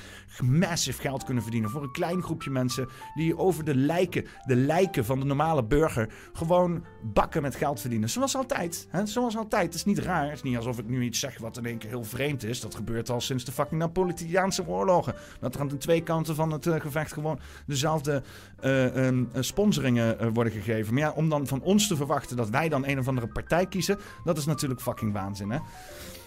Dus ja, daar wou ik er toch nog maar even, even over uitgooien. Dus, uh, nou, koop een, uh, koop een t-shirt. uh, of doe een donatie. Of koop een lekker drankje. Als je het helemaal niet meer ziet zitten. Als je denkt van, jongen, ik kan dit allemaal niet meer aan. Ik wil mezelf gewoon helemaal in de gat verzuipen. Doe het met Doc Collins. Dat is, gewoon, gewoon goede shit. Dus, ja. Nou ja, fijn. Ik weet niet of dat helemaal de manier is om het te doen. Ik ben zelf al een hele tijd nuchter nou met, uh, met, met 0.0 bier, notabene van Heineken. Ik schaam me er wel een beetje voor, want, want dit soort producten kopen, dat helpt niet mee. Hè? Daar, daarmee, hiermee sponsor ik eigenlijk ook gewoon de oorlog. Gadverdamme. Mm. Fucking hypocriet dat ik er rondloop, jongen. Ja. Maar ik moet toch iets. Ik moet toch iets. Ik kan niet. Ja, ik zou de hele dag water kunnen drinken, maar ik, doe mijn best. Het is zo naar. Weet je wie je ook een best doen? Eh, de mensen in de politiek van het uh, toeslagenschandaal. Um, en loopt dat dan ergens op uit? Nee, niet echt, nee. Dit, uh, dat toeslagenschandaal, ik hoorde nou al dat het het elfde debat is of zo over het toeslagenschandaal.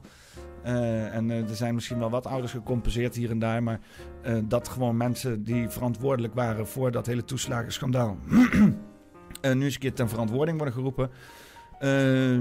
hou maar. Homer, hè? Dit, uh, dit kabinet dat is gewoon één grote dictatuur. En niemand gaat daar ooit eens een keer voor verantwoording worden geroepen.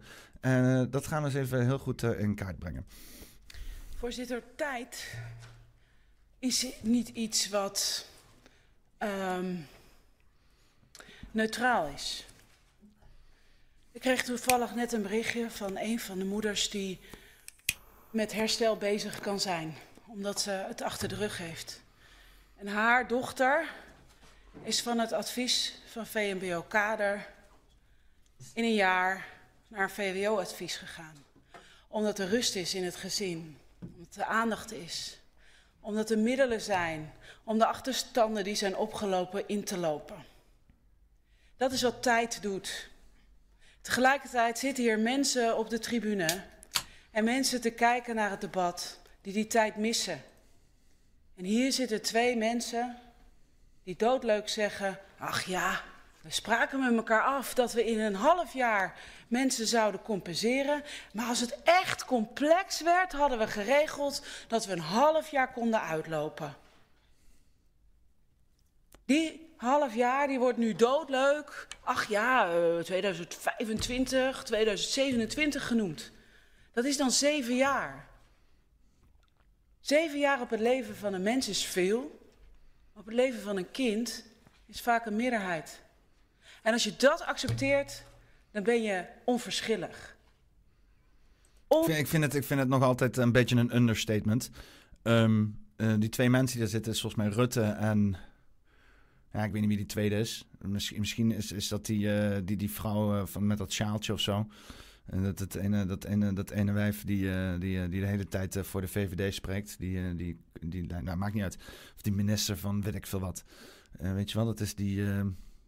Heb ik, hier, heb ik hier mijn stickers? Heb ik hier mijn sticker package? Even kijken. Even naar afbeeldingen. Afbeeldingen, stickers. Nou ja, fuck it. Ik, heb, ik wil mijn stickers heel even. Waar, waar is mijn stickers? Heb ik die bij download staan? Telegram desktop.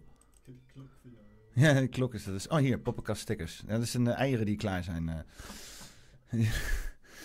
je gaat de hele dag door, jongen. Ik heb, al, ik, ik, ik, heb, ik heb al meerdere relaties die stuk zijn gelopen op die klok. Dus uh, fuck it. klok is nog altijd het belangrijkste in mijn leven. um, eens even kijken. Uh, waar, waar is die sticker? Um, um, ja, hier, deze. Deze, deze. deze fucking fakes van een trut. Dat is, dat is waarschijnlijk die tweede persoon die daar zit. En uh, onverschillig, dat is een understatement. Deze mensen die zijn gewoon een stelletje teringleiers, als je het mij vraagt. Maar ja, laten we ze even uh, Renske Leijten, die tot nu toe hooglijk ineffectief is geweest in haar oppositie tegen de coalitie. Uh, niet, niet, ja, ik weet niet of ik het haar kan vergeven, vast wel. Want die hele coalitie, dat is gewoon één groot dictatuur. Uh, die overal overheen was en nergens verantwoordelijkheid voor neemt. Uh, maar ja, die oppositie die had gewoon, die kan net zo goed naar huis gaan. Die kan net zo goed gewoon lekker met een beentje omhoog vakantie gaan vieren. En misschien weet ik veel, een YouTube-kanaaltje openen en een beetje lopen te, zeiken, net zoals ik. Ik denk dat ze dan meer effectieve tijd hebben dan dat ze daar voor 7 fucking duizend euro per maand op ons belastinggeld voor de elfde keer gaan lopen debatteren over iets waar nul verandering in komt. Onverschillig. Dat je tegelijkertijd de democratische wetten buitenspel zet, dat de Kamer je kan controleren, dus dat je je laat controleren, dat maakt je ook onverschillig. En daarom kan ik niks anders dan de volgende motie indienen. De Kamer gehoord te beraadslagen constateren dat het kabinet de informatieplicht richting de Kamer herhaaldelijk ernstig geschonden heeft en daarmee de controlerende taak van het parlement blijft uithollen. Constateren dat het kabinet voor lief neemt dat veel ouders tot 2027 of langer moeten wachten om hersteld te worden. Zegt het vertrouwen in het kabinet op en gaat over tot de orde van de dag. En deze is mede onder, ingediend door mijn fractieleider Marijnissen. Dank u wel, mevrouw Leijten. Geef het woord. Vera, hou je fucking strot weg. Laat mensen eens emotie hebben. Die fucking emotieloze, onverschillige kamer. Nou, ja, dat zijn dus inderdaad... Uh, ja. Die, die, zit er echt, uh, die, die zit er echt helemaal verslagen bij. Uh, eens even kijken. Um, nou, dus de, de, de, in het elfde debat, uh, weet je wel, dit is hetzelfde probleem nog waar uh, het hele uh, voorgaande ehm, kabinet, kabinet Rutte 3 op stuk is gegaan. Hè, weten we nog? Die is toen gevallen daarover. Ehm, wat, wat, wat ik zocht dat dus even voor de gein op, hè, op, op, op, op Google. Google. hoeveel moties van wantrouwen heeft kabinet Rutte 4 uh, kabinet Rutte. Even kijken. Tegen kabinet Rutte 3 werd het hoogste aantal moties van wantrouwen ingediend. Namelijk 38. 38. Dit fucking kabinet heeft 38 moties van wantrouwen gehad. En nu zit er kabinet Rutte 4. Godverdomme. Na 38 moties van wantrouwen is het kabinet gevallen. En, en toen uh, ja, zijn ze gewoon weer opnieuw gaan regeren.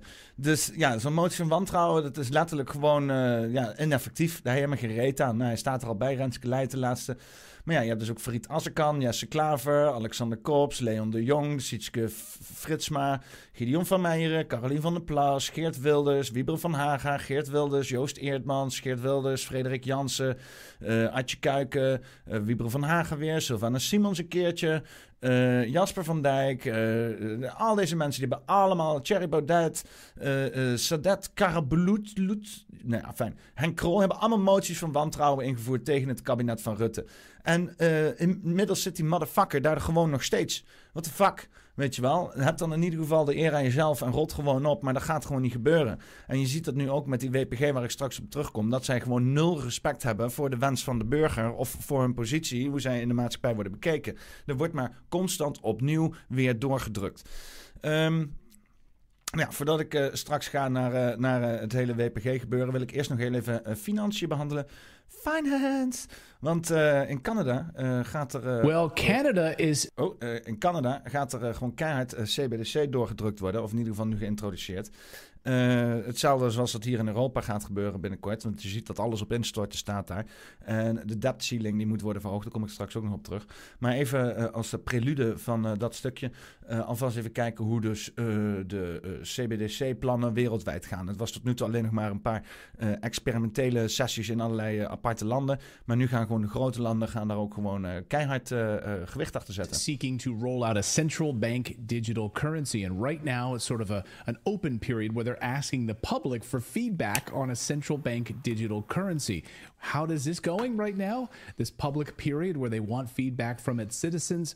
Well, the answer is it's not going very well. Dan Cohen, our Washington correspondent from Redacted, joins us now to dive deeper into the story. So, Dan, I'm surprised that the public is not really taking to the idea of total surveillance currency in Canada a total shocker. I don't know how the Canadians couldn't go for this, Clayton, but yeah. So the so the Bank of Canan- Canada rolled Canada. out a survey this week saying that it's seeking public input on digital currency. Watch the video that goes along with it.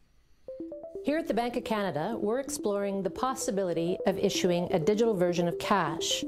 Not to replace cash, but to ensure Canadians always have access to a safe, stable, and official payment option En dat is natuurlijk bullshit, hè? Want het zeggen van, ja, het is natuurlijk niet om cash te vervangen, maar ondertussen wordt onze cash helemaal geen reet meer waard. Hè? Die cash is straks gewoon zo weinig waard dat je het beter kan gebruiken als toiletpapier dan het om het daadwerkelijk uit te gaan geven. Want, oh, weet je wel, toiletpapier kopen, dat is duurder dan fucking de hoeveelheid cash die je nodig hebt om je aars mee af te geven.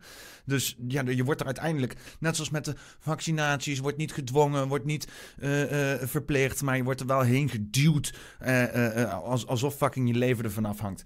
In an increasingly digital world. You may be thinking, I don't need a digital Canadian dollar right now, and you'd be right. But Canadians may need one in the future. So the bank has to be ready if and when Parliament makes that decision. Part of being ready is hearing from you. Your input will help us make choices about the design of our digital dollar, ensuring it's convenient, easy to use, and meets your needs. So please head over to our website and fill in our survey. Ja, dus het uh, gebeurt nu gewoon in Canada. Ze gaan uh, zorgen dat uh, ja, ze alle kinken uit de kabels hebben gewerkt over publieke opinie in ieder geval met de CBDC. Om te kijken hoe ze dus het makkelijkst die zaken kunnen gaan implementeren. En dit is niet alleen in Canada, dit hebben ze al in Europa gedaan. Alles ligt onder de as, jongen. Die fucking sigaren, dat is nog erger als joints roken. Ja, gooi dat dan niet op de grond. Doe dat dan in de asbak, jongen. What the fuck. Uh, die central bank digital currency die moeten gewoon doorgedrukt worden. Hè? Voor de mensen die nog steeds niet weten, central bank digital currency, dat is een soort cryptocurrency, alleen in plaats van dat het decentraal geregeld is, zodat je inderdaad de werking van de banken kan omzeilen, wordt het nu geregeld door de centrale bank zelf. Hè? Dus de grootste boosdoener in het hele bankenindustrie, namelijk de centrale bank, die ervoor zorgt dat wij in een gigantische inflatie zitten, die ervoor zorgt dat leningen zomaar uit het fucking niks kunnen gecreëerd worden, dat geldcreatie niet meer op een eerlijke manier gebeurt en op een verantwoordelijke manier. Dat ons geldsysteem nog wordt gebackt, nog in verhouding is tot iets wat daadwerkelijke waarde heeft. Dat is allemaal de central bank digital de, de central banks schuld dat wij gewoon met waardeloze shit zitten te handelen die alleen maar hun waarde verliest over de, de tijd van jaren. Die instantie gaat dus nu in zijn eentje verantwoordelijk zijn voor die uh, currency, voor die cryptocurrency. En die gaat dus niet decentraal geregeld zijn, maar uber centraal, juist vanuit één punt. Dat is de CBDC. En. Um, ja, je, je, zal misschien niet zo van cash af willen, maar je, hebt op een gegeven moment gewoon geen, uh, geen, geen kans meer. Dus ik, ik, wil eerst nog heel even uh, de debt ceiling. Er is dus nu deze week uh, Amerika, die, ligt nou ja, al de hele tijd in crisis. Er is dan die First Republic Bank, die Bank of, weet ik veel, Silicon Valley, zo'n zo, Silicon Valley Bank of zo, eh, SVB, uh, die is gecrashed. En er was nog zo'n bank gecrashed. En, er zijn heel veel banken gecrashed. Er is letterlijk meer geld verdwenen in de afgelopen drie maanden dan in de hele financiële crisis van 2008, 2009 bij elkaar. Dus uh, het feit dat. dat op een of andere manier de boel steeds loopt, is bewonderingswaardig. maar niet voor lang meer. Uh, uh, en het gaat er nu allemaal heel erg rap. En wat je ziet is dat dus die debt ceiling in Amerika, daar heb je dus zeg maar een, een, een, een stop op hoeveel geld erbij gedrukt kan worden. Die al inmiddels, weet ik veel, tientallen keren is verhoogd. Dus waarom dat plafond er is, dat is ook de, mij een vraag. Um, um, maar dat moet dan vanuit de politiek moet dat goedgekeurd worden. Die moet nu weer worden verhoogd. Anders default uh, America on its loans. Dus zij gaan dan nat op hun eigen staatsschulden die ze hebben. En dan gaan ze gewoon failliet als land. En als hun failliet gaan als land, dan is al het geld wat gekoppeld is aan de petrodollars, zoals bijvoorbeeld de euro uh, en, en de yen en weet ik veel wat voor een geld allemaal niet, die gaan dan ook allemaal nat. Hè? Dus dan, dan, dan is ons geld straks helemaal gereed meer waard. Net zoals in uh, Argentinië nu gaande is met weet ik veel 700% inflatie. Die mensen die, die, die hebben helemaal gereed meer aan hun geld. Dat zit er voor ons ook gewoon aan te komen. En als het niet vandaag is, dan is het dan morgen. En als het niet morgen is, is het volgende week. En als het niet volgende week is, dan is het al volgend jaar. Uiteindelijk gaat het gebeuren. Want de keuzes die ze nu hebben is... gaan we voor de superinflatie die nu al gaande is... die we voortzetten... of gaan we gewoon keihard de hyperinflatie in? En ik zeg, ga gewoon keihard de hyperinflatie in... want dan kunnen we er in ieder geval niet meer omheen draaien... dat we een fucking probleem hebben. Want nu heb je nog steeds allemaal mensen daar buiten rondlopen... die zeggen, oh, het is nog allemaal goed. Zolang het goed gaat is het prima. Nou ja, laat het maar eens een keer godverdomme allemaal klappen. Dus uh, eens even kijken. Hoe hard gaat het klappen tegenwoordig? There are nine days left for debt ceiling negotiations on Capitol Hill. Still no agreement. I tend to be one of those people who believe, of course, they'll be able to figure it out. It would be so bad and dangerous for the country to default on our debt that they won't let it happen, right? But in this divided political climate, with the political extremes often dragging the parties, I am getting worried. Really worried. So I was interested in this proposal for the president to circumvent Congress altogether with a little known section of the 14th Amendment. And we'll dig into whether that's even a legitimate legal argument, what happens then, et cetera. But the, the sticking points first in the negotiations have, have included things like caps on spending, leftover COVID 19 funds, defense funding, Biden student loan forgiveness, boost in IRS funding that passed last year, et cetera. But those are budgetary questions, meaning how much should be allocated to certain areas or what happens to certain funds. All legitimate areas for debate.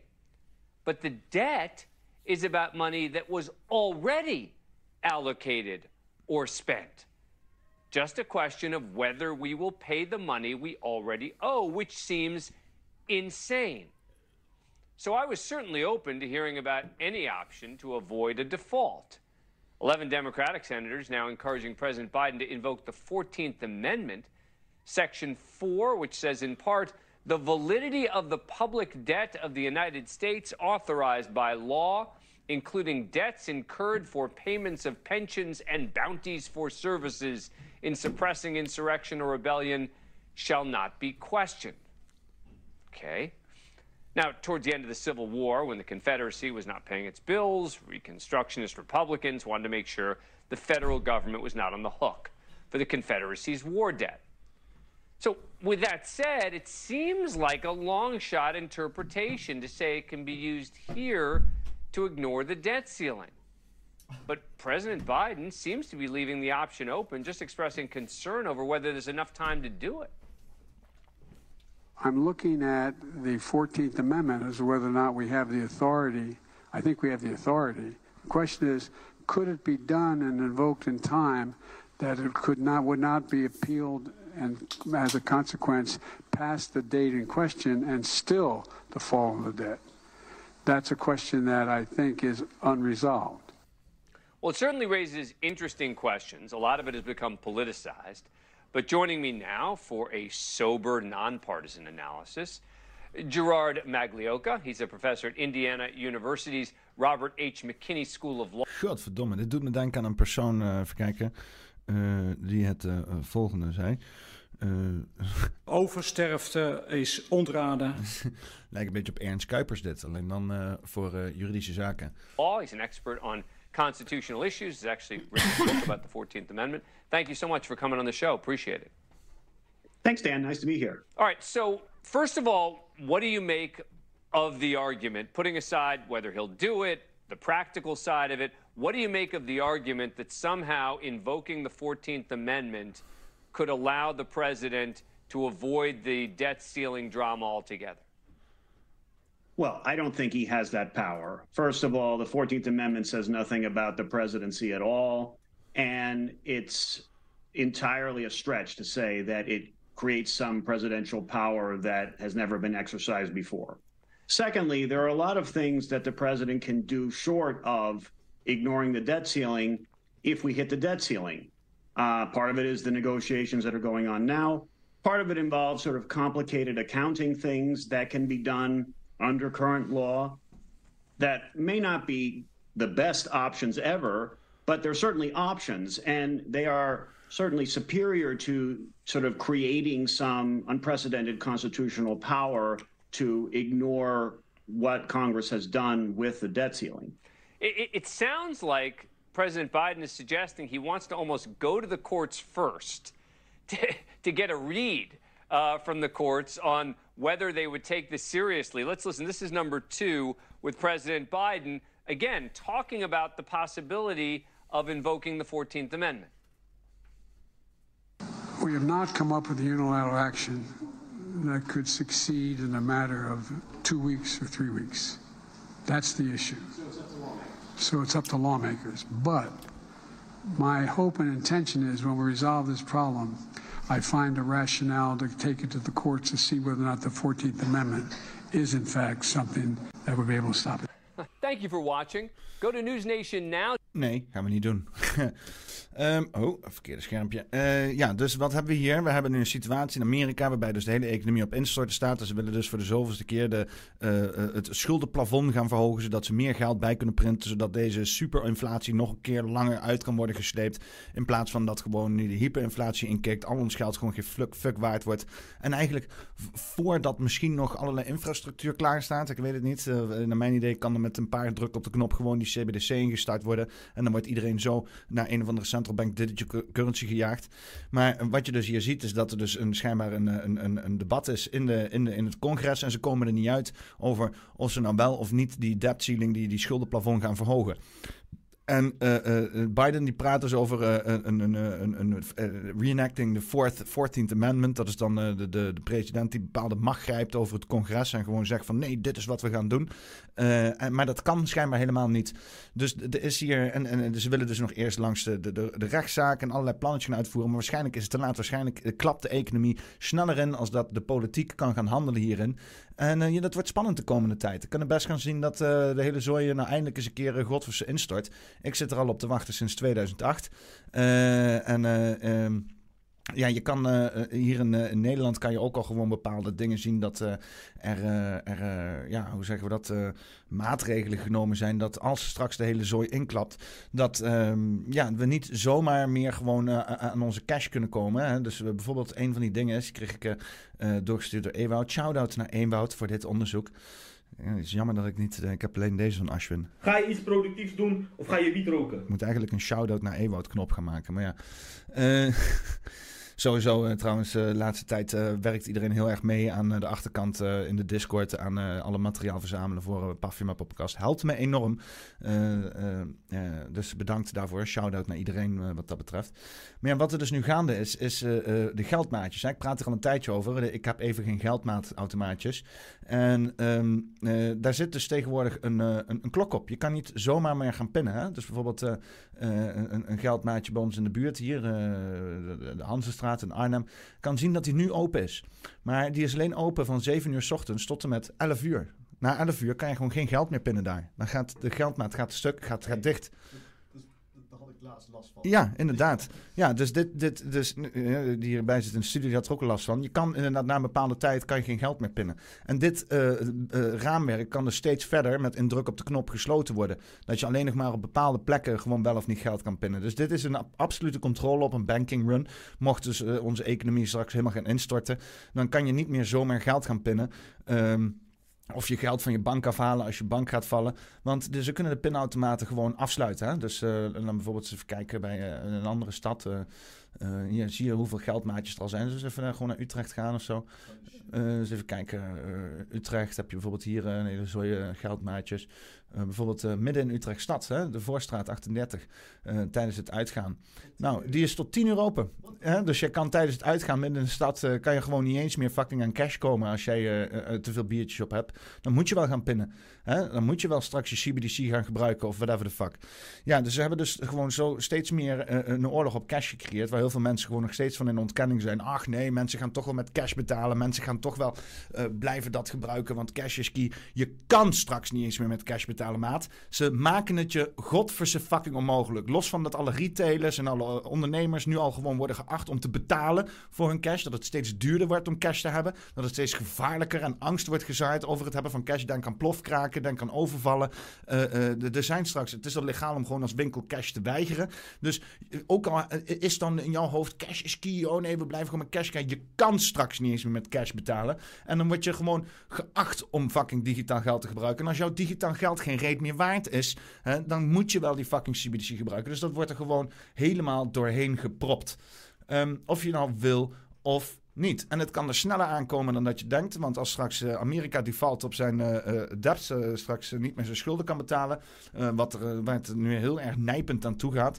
Uh, dan, uh, dan, ja, dan, staat het er, dan staat het er slecht voor, voor vooral mensen die heel veel te verliezen hebben. Ik zelf heb niet zo heel veel te verliezen. Dus doe daarom... Doneer gewoon op de poppenkast. Ja, ja of, of, of, koop een t-shirt. dan heb ik misschien wat meer te verliezen. tot die tijd, me interesseert het geen fuck, weet je wel. ik, ja, fucking het... Dus uh, je sponsor houdt van cash, toch? Zeg uh, Jelle Poel. Ja, ja, inderdaad. Uh, Doc Collins die even cash. Je kan tegenwoordig ook maar, dat heb ik ook maar gezegd, niet alleen maar in, in, in cash betalen. Maar dat heb ik net ook al aangegeven. Misschien moeten meer mensen dat gaan doen, want straks is de euro is geen gat voor meer waard. Uh, gewoon toch eens uh, gaan kijken naar uh, cryptocurrencies. Hè? Dus een Ether of een Bitcoin. is het anoniem? Nee, het is niet anoniem, maar het houdt is in ieder geval een stuk waardevaster zolang de energie net blijft draaien dan de fucking euro. Want dat ziet er allemaal niet heel erg rooskleurig uit. Dus, um, nou, dat wat betreft financiën.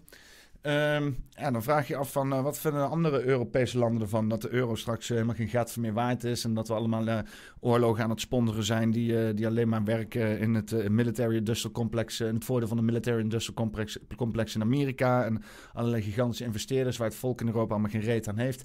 Nou ja, er zijn landen die bijvoorbeeld ja, toch wel zitten te denken aan een, aan een exit en geen brexit, maar een swexit. Swexit. Kijk, Swexit, Sweden, die uh, misschien wel uh, even gewoon uh, uit de, de EU gaat. Laten we even luisteren naar een klein stukje over een parlementaire, een parlementariër in Zweden die misschien wel nou, zit pleit voor een Swexit. Earlier this week, Sweden Democrat and member of the European Parliament Charlie Weimers and party leader Jimmy Åkesson wrote it was time for Sweden to change its relationship with the European Union.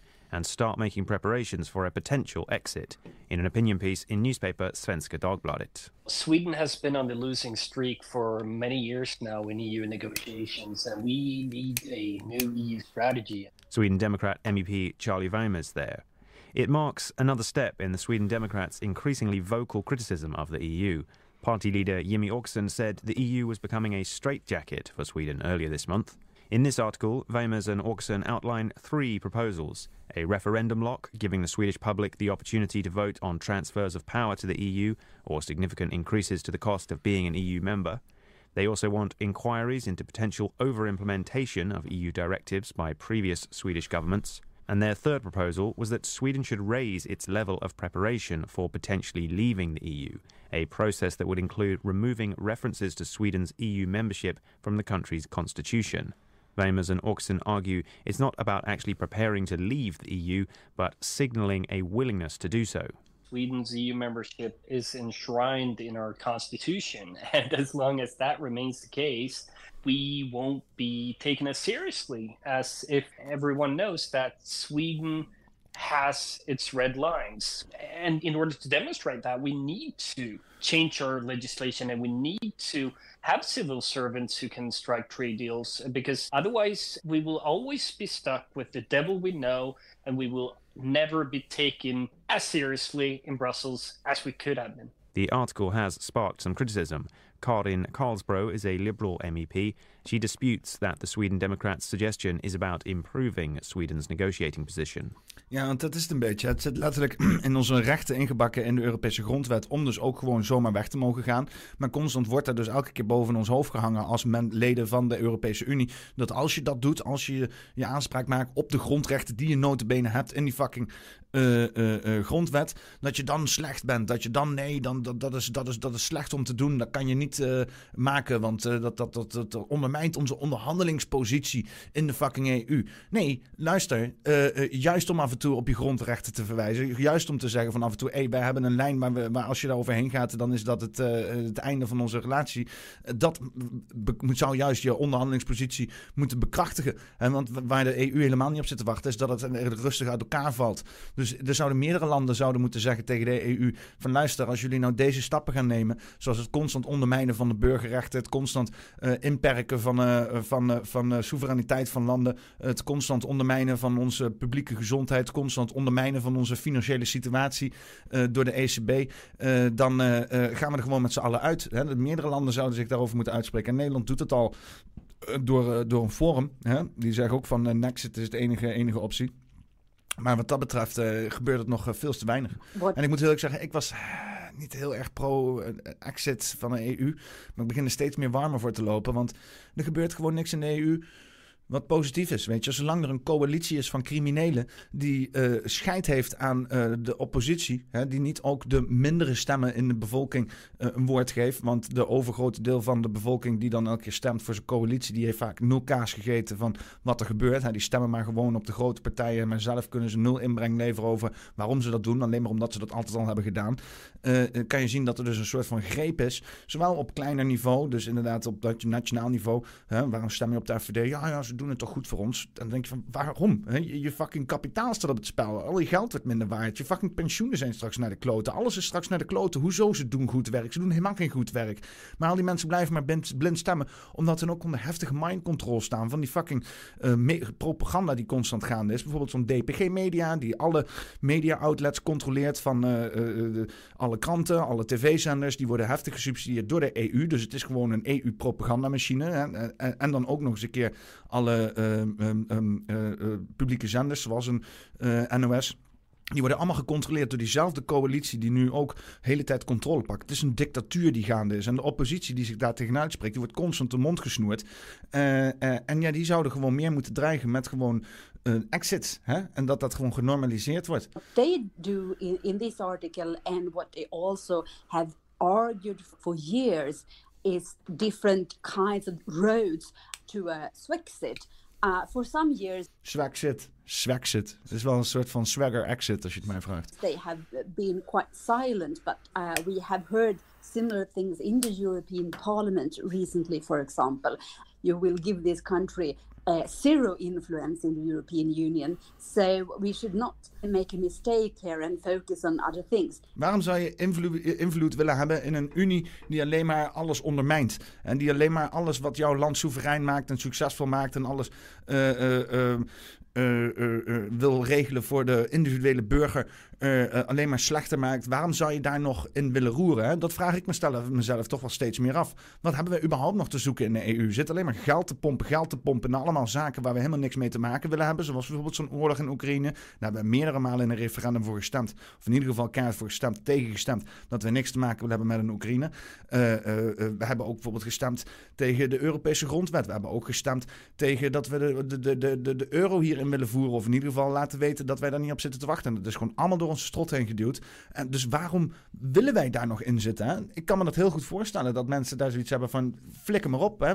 Want het invloed die we hebben. Hè? Dus ze zeggen van ja, dat ondermijnt onze onderhandelingspositie. Bitch, we hebben geen fucking onderhandelingspositie in de EU. De EU doet letterlijk wat ze fucking willen. I would definitely say that this is in the end about Swexit and nothing else. Radio Sweden put Karin Karlsbro's comments to Charlie Weymers. I think the reaction by Karin Karlsbro is, is very symbolic for the lack of strategy among the, the government parties in Sweden. What, what, uh, what are their proposals in order to strengthen Sweden's negotiation position in Brussels? I haven't heard one single proposal from them. Sweden facing a lot of big challenges ahead in the EU in order to stop the evolving United States of Europe, ever closer union. Currently, Swedish public support for EU membership is at record highs. According to the Gothenburg based SOM Institute, 68% are for, only 11% against in 2022. Even among those identifying as Sweden Democrats supporters, 43% are in favour. Yeah. Al meer, bijna, bijna 43, dus 43% zijn voor. Hè. Dat wordt steeds meer en steeds meer mensen die gewoon allemaal inzien dat uh, de EU uh, en, en al zijn aanhangende instanties er alleen maar zijn om onze levens steeds insignificanter te maken. Hè. Dus, want dat, zo werkt dat uiteindelijk. Met als jij maar blijft centraliseren en blijft centraliseren. Je ziet hoe het werkt in Amerika. Die overheid is zo groot, die geeft helemaal geen zak om zijn individuele burgers. Hè. Dus zo is het bij ons ook. We hadden eerst een overheid die gewoon heel dicht stond bij de burgers. Vooral in Nederland. Klein, klein overheidje, klein landje, klein burgertje. Allemaal uh, heel, heel, heel klein geregeld. We konden uh, gewoon onze... onze uh, uh, direct contact en invloed uitoefenen. Hadden notabene een, een referendum voor een tijdje. Uh, konden we echt ja, nog iets doen. En nu is onze volledige politiek hier in Nederland zwart buiten spel gezet. Er zit hier een of andere puppet-regering die gewoon een dictatuur aan het uitvoeren is. Die nul luistert naar enige oppositiegeluid en niet in samenwerking werkt met, met, met de, de, de, de contrabewegingen in, in het maatschappelijk debat. Maar gewoon kaart aan het doordrukken is wat zij willen doordrukken. Namens allerlei grote, grote belanghebbende organisaties. Dan wel niet de NGO's, dan wel niet de corporaties of de investeringsmaatschappijen of die gigantische spelers die allemaal uh, in de EU het voor het zeggen hebben. Um, ja, um, het gaat nog steeds te langzaam. Ik denk eerlijk gezegd, als gewoon het hele financiële systeem crasht, onze euro geen zak meer waard is, dat in één keer het draagvlak voor een Europese Unie een stuk minder gaat zijn. En uh, daarom kan het niet snel genoeg komen. Maar daarom kan je ook donder op tegenzetten. Dat waarom ze deze fucking uh, uh, geldsituatie die gedoemd is al fucking voor tien jaar zo lang aan het uitrekken zijn. Zodat we in de waan worden gehouden dat zo'n Europese Unie enigszins bestaansrecht heeft in ons leven. Wat het niet heeft. Dus ja. Volgende onderwerp. De WPG. He, wat natuurlijk ook uh, iets is van uh, gigantische globalisering. De globalisering, de centralisering van onze eigen gezondheid. He, in plaats van dat we dat zo klein mogelijk maken. Dat iedereen individueel voor zichzelf kan beslissen wat wel en niet gezond is. Dat iedereen uh, op maat gemaakte zorg kan ontvangen. Dat iedereen gewoon met aandacht wordt behandeld door mensen die daar ook de tijd en ruimte voor kunnen nemen om jou daarin te ondersteunen. Of desnoods gewoon de zelfstandigheid kan nemen om je eigen gezondheid onder controle te houden. Moet het allemaal heel groot, heel groot geregeld worden vanaf gigantische corporaties. En het moet allemaal in bulk gedaan worden. En iedereen moet over één kam geschoren worden. En uh, ja, ik heb een beetje een soort van exposé samengesteld van allerlei video's. Het is niet allemaal heel erg relevant tot in deze week. Sommige dingen wel, want natuurlijk de WPG is deze week er gewoon door keihard doorheen gestemd. Hè? De wet publieke gezondheid, waarbij ze dus eindelijk hebben gesolidificeerd wat al die maatregelen in de afgelopen drie jaar uh, niet hebben bewerkstelligd. Dat het gewoon weer nu in een dictatoriaal, dictor, dictatoriaal, dic, dictatoriaal, dictatoriaal een kutwoord, dictatoriaal uh, niveau kan doorgestampt worden. Dat is gewoon zo'n World Health Organization door middels van een of andere gezondheidsminister die daar uh, uh, bijna letterlijk alleen nog maar verantwoordelijk af, verantwoordelijkheid afneemt van zo'n gigantische NGO. ja, gewoon de controle kan pakken van onze hele maatschappij. Um, en dus inderdaad die regels, die maatregelen die toen waren ingevoerd wat nog enigszins allemaal tumult in de, de, Tweede Kamer gaf. En dat er dan nog voor en tegen gestemd kon worden. Wat ook al helemaal geen zin meer heeft. Maar dan kan het in ieder geval worden uitgesteld. En hè, dat er in ieder geval nog een beetje tegengas gegeven kan worden. Dat dat ook al niet eens meer kan. Dat kan gewoon al niet meer. Dus, maar ik wil eens even een mooie samenvatting maken. Van wat er dus de afgelopen ja, tien jaar, zeg maar, een beetje zo uh, uh, is gebeurd. Uh, hoe er een totale greep op onze gezondheid wordt gepakt. En hoe bijvoorbeeld Big Pharma, de farmaceutische industrie uh, ja, de, de, totale controle krijgt over uh, onze gezondheid en onze levens en hoe wij uh, moeten denken, voelen en uiteindelijk ja, onze gezondheid. Wat een beetje de essentie is van het leven, zou je zeggen. Hè? Ik heb eerst even een filmpje van een mooie content creator. Die heet Moon. en die heeft een, klein stukje, een klein stukje van zijn nieuwe aflevering. een beetje een samenvatting van hoe momenteel de ja, de afgelopen tijd, de afgelopen 50 jaar misschien, uh, een totale controle is genomen en hun ambities in het controleren van onze gezondheid. Now, our next scam on the list is the pharmaceutical industry. You see, the pharmaceutical industry saw this problem at schools and wanted to fix this problem by getting kids hooked on Ritalin, Adderall, and other ADHD medications. Because by claiming that people not being able to sit in their chair properly was a sign of a mental illness, pharmaceutical companies could make bank, billions in profits. And that's why prescriptions have shot up over the past two decades, but particularly in the US, which is 5% of the world's population, but somehow over 80% of the world's ADHD prescriptions. And so, what are these prescriptions? That pharmaceutical industries are giving children? Well, we're talking about chemicals almost exactly the same as methamphetamine in structure. And whilst these pills may keep kids in their seats and docile, is it really worth the side effects? I mean, just the side effects on the box alone include possible insomnia, high blood pressure, and a faster heart rate. And this is just the immediate consequences. This doesn't even show the true extent of the long term damage. I mean, right now the evidence is still murky because it's all relatively new, but ADHD medications have been linked to increased rates of cardiovascular disease and heart problems, which really isn't a surprise,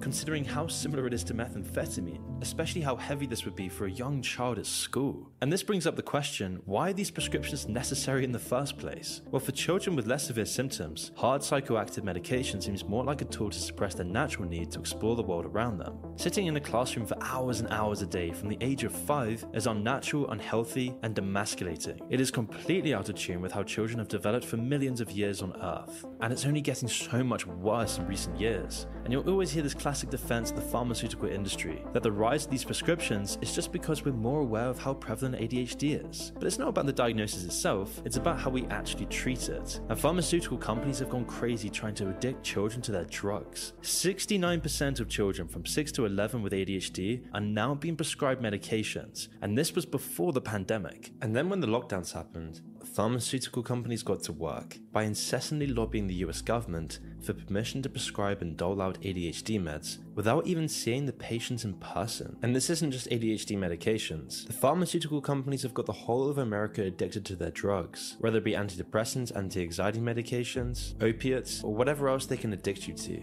And the worst part is, is that now they've got America addicted to these drugs, kids also have to pay ludicrous prices with every prescription, giving these companies ginormous profit margins. And with this money, they were happy to sink millions into the issue to make further returns getting even doctors addicted to it now, with 1 in 18 US physicians receiving industry payments for prescribing stimulants and other ADHD medications. And then, predictably, the government just recently passed a law allowing so called teleprescriptions, and the floodgates were open. Companies like Cerebral Inc. and Doan Global Inc. jumped on the trend, setting up incredibly lucrative online and by phone prescription services, fueling the rise from 35 million prescriptions in 2019 to over 41 by 2021, completely taking advantage of the pandemic to add billions to their value valuations. I mean, Cerebral Inc., the company we mentioned earlier, quadrupled their valuation in 2021 to $4.8 billion, all while the world economy shriveled up into a ball. Where everyone else got poorer, pharmaceutical companies got richer. And it's not really hard to see why, when these prescriptions are just so easy to get. You can just have one 18 minute phone call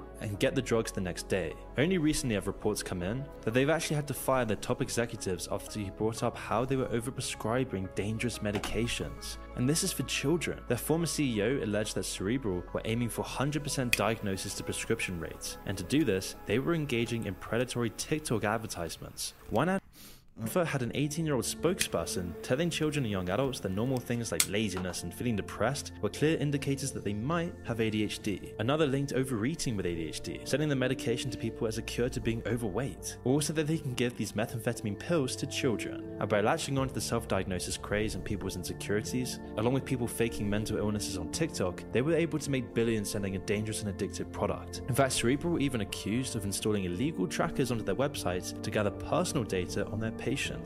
Ja, dus uh, uh, even een beetje samengevat.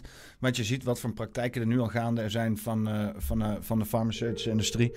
Die dus ja, gewoon al tientallen jaren bezig is om kinderen, kinderen verslaafd te maken aan allerlei soorten drugs. niet voor hun gezondheid en niet voor de verbetering van de mensheid. Maar gewoon om meer fucking cash te verdienen. Om gewoon te zorgen dat er zoveel mogelijk uh, ja, geld in de zakken komt van de farmaceutische industrie. Zodat zij meer, meer macht kunnen krijgen over onze persoonlijke gezondheid. Zodat zij ons kunnen vertellen over wat wel en niet gezond zou moeten zijn. Um, nou, diezelfde industrie, die industrie uh, die dus dit soort immorele praktijken uitoefent, dat is dezelfde industrie die dus uh, het voortouw heeft genomen tijdens de afgelopen drie jaar in de pandemie om ons te vertellen over hoe wij moeten omgaan met onze gezondheid. Nou, we ons even mee terugnemen naar uh, uh, 2019. 2019 was uh, event 210. 201. Dat was een bijeenkomst van allerlei farmaceutische industrieën, gezondheidsexperts, overheidsmensen.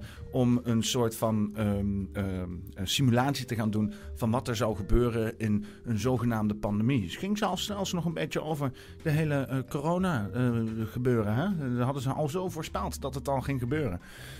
Wat natuurlijk een hele rare situatie is. En daar kom ik zo nog wel even op terug. Maar uh, ja, wat er, waar het heel erg op lijkt, is uh, een leuk filmpje hier van The Simpsons. Die zeg maar een beetje een leuke inzage geeft in, in hoe dat dan zeg maar achter de schermen zou moeten zijn gegaan. I'd like to call to order this secret conclave of America's media empires. We're here to come up with the next phony baloney crisis to put Americans back where they belong in dark rooms glued to their televisions, too terrified to skip the commercials. Well, I think. NBC, you are here to listen and not speak. I think we should go with a good old fashioned public health scare. Uh, yeah. A new disease. No one's immune. It's like the summer of the shark, except instead of a shark, it's an epidemic. And instead of summer, it's all the time. That is Now, I hate to be the guy who derails what everybody else loves. He loves being that guy. But, Janice, we do have standards. This can't be a made-up disease. The only moral thing to do is release a deadly virus into the general public. We do have something we've been holding on to, but it hasn't been tested. Get over here, NBC. Uh, well, we certainly believe in testing, but I. Oh. oh. Wow. Wow. Oh, yeah. So, we've got our deadly disease. Now, we just have to blame it on something that's in every household, something that people are a little bit afraid of already. House cat flu is coming, people. the Center for Disease Disinformation predicts with some degree of probability that the house cat flu might spread in the following hypothetical outbreak pattern. So, petter beware, that warm body on your lap just might be ready to destroy your tender fiddles.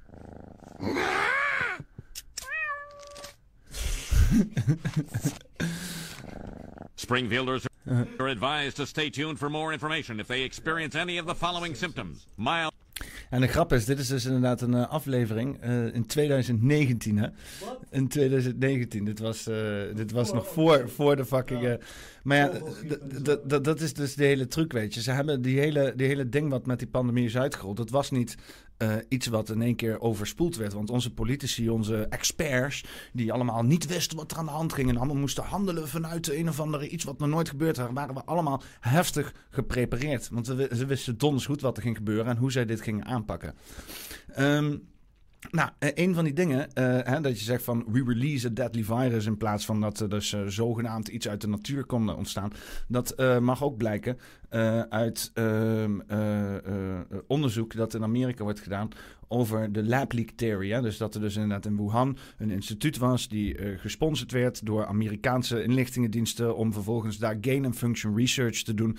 Uh, dat betekent dus dat ze onderzoek gaan doen en bepaalde virussen die al bestaan gaan oppompen naar dat het uh, niet alleen besmettelijk is voor bepaalde diersoorten, maar ook voor mensen. en dat is gewoon daarbuiten, dat bestaat gewoon. En sterker nog, toen dus inderdaad in 2020 alles uitbrak, waar, was er dus inderdaad sprake over dus deze bezigheden. En dat werd heftig de kop ingedrukt, wat natuurlijk ook al heel veel vertelt. Um, we hebben hier een stukje uh, in een uh, verhoor uh, tussen een senator en bepaalde gezondheidsexperts. die vertellen over een correspondentie die er gaande is geweest aan het begin van deze periode. Thank the chairman. Uh, look forward, the Democrats tell us. Focus on the future. Might have started in a lab. Might have, might have happened in nature. But here's the question I keep coming up with. If, if it may have been a lab, may have been nature, we're supposed to look forward, then why did Dr. Fauci work so hard for just one of those theories? Why was it so important to push one over the other? Dr. Barra said, oh, we should entertain uh, all hypotheses. Dr. Fauci had his, uh, his hypothesis, how this started. We should entertain all of them. But that's not what happened. That is definitely not what happened. Three years ago, if you thought it came from a lab, if you raised that, you were called a nut job. You got censored on Twitter. You were blacklisted on Twitter. You were even called a crackpot by the very scientist who, in late January, sent emails to Dr. Fauci and said it came from a lab. They called you crackpot. Is that right, Dr. Redfield? I think the most upsetting thing to me was the uh, Baltimore Sun calling me a racist because I said this came from a Wuhan lab. Dr. Reptil, you were you're, uh, you you ran the CDC and you were on the coronavirus task force. Is that right? Correct. That was formed on January 29th, 2020. Is that right? Correct. Two days later, Dr. Fauci gets an email from Dr. Anderson which says what? Virus looks engineered. Virus not consistent with evolutionary theory. Is that accurate? That's my understanding. Next day, I know. He, did he share that email with you, by the way, Dr. Redfield? No. As a member of the task force, as a head of CDC, did he share that email with you? No. Okay. Next day, February 1st, Dr. Gary sends Dr. Fauci another email. That email says, I don't know how this happens in nature, but it would be easy to do in a lab. Did he share that email with you, Dr. Redfield? No. You didn't see either one of those emails, even though you're head of CDC, even though you're on the coronavirus task force that had been formed just two days, three days earlier. No. Three days later, Dr. Anderson and Dr. Gary, who told us it came from a lab in emails to Dr. Fauci that Dr. Fauci wouldn't let Dr. Redfield see, three days later, they changed their position 180 degrees. The question is why? Mr. Wade, why would they change their position that fast when the only intervening event is a conference call with Dr. Fauci, the guy who wouldn't let Dr. Redfield see the very emails that they had sent him, Dr. Redfield, head of CDC, on the coronavirus task force. Why would they change their position, Dr. Wade, or Mr. Wade? Uh, well, this question does lie at the heart of the um, issue. Uh, what is pertinent, it seems to me, is there's, there's no new scientific evidence that we can see that came uh, available between these dates, the January 31st and Feb 4. Right, there's no new, I think you're, go ahead. So you have to ask if there were other uh, other kinds of influence uh, available. now, it is true that, that Dr. Fauci and Dr. Farry in London were very powerful research officials, and between them they controlled. I read, I read your testimony. I saw okay. that. Yeah. So why don't you cut to the chase and tell them what you really think was the reason? uh, I don't know what, what the reason was. I did. I know what it was. I. Go well, ahead. no, go ahead. Go ahead. I'll let you say it because I read your testimony. I think you, you said it in your testimony too. Maybe you're reluctant to say it here, but go ahead. Well, if you're looking at the timeline, on um, May 21st, um, just uh, a few weeks after the Nature, Med- uh, the, the Nature Medicine article had come out, uh, two of the signatories of the original email to uh, Dr. Fauci, that, that's Dr. Anderson and Dr. Gary, were awarded a $9 million grant for the. So there's research. 9 million reasons why they changed their mind. I knew you'd get to it. I read that last night. Three months after so, three days after they say it came from a lab, they changed their position, and the only intervening event's a conference call with Dr. Fauci and Dr. Collins. Again, a call that Mr. Redfield was not allowed to be on, the head of CDC and on the coronavirus task force. And then three months later, Shazam, they get 9 million bucks from Dr. Fauci. Ja, dus uh, voor de mensen die het moeilijk vinden om Engels te volgen. uh, wat hier dus is gebeurd aan het begin van, uh, van het gebeuren over de afgelopen drie jaar, dat er dus vrij snel al meteen data naar buiten kwam, waarbij het richting een lab leak ging. Hè? Dus dat er dus intern werd gesproken over, ja, hé, hey, luister, deze hele virus is naar buiten gekomen. We hebben hier ook zo'n instituut in Amerika die waarschijnlijk um, um, uh, er veel mee te maken heeft. namelijk dezelfde virussen werden daar onderzocht. je hebt funding voor gain of function research, dus het verstevigen van de functie, het verhogen van functie van bepaalde virussen, die dus heel erg lijken op dus ehm, deze bepaalde type virus die er naar buiten kwam. En wat dus ook aan het virus bleek, dat um, er een, een onevolutionair pad zat in de DNA-sequence. Dus uh, in de DNA was te lezen van... oké, je hebt uh, een bepaalde vervolgstappen hoe evolutie normaal werkt. Uh, het gaat hier het gaat daar naartoe, het gaat zo, weet je wel. En in dit bepaalde DNA-sequence zat dus een hele onnatuurlijke uh, vorm van evolutie. Alsof het ertussen was gezet. Dus dat hintte al naar uh, uh, menselijke interventie. En dan heb je vervolgens dat instituut die precies rondom dit virus allerlei onderzoeken deed. Met dus inderdaad sponsoringen van de Amerikaanse overheid.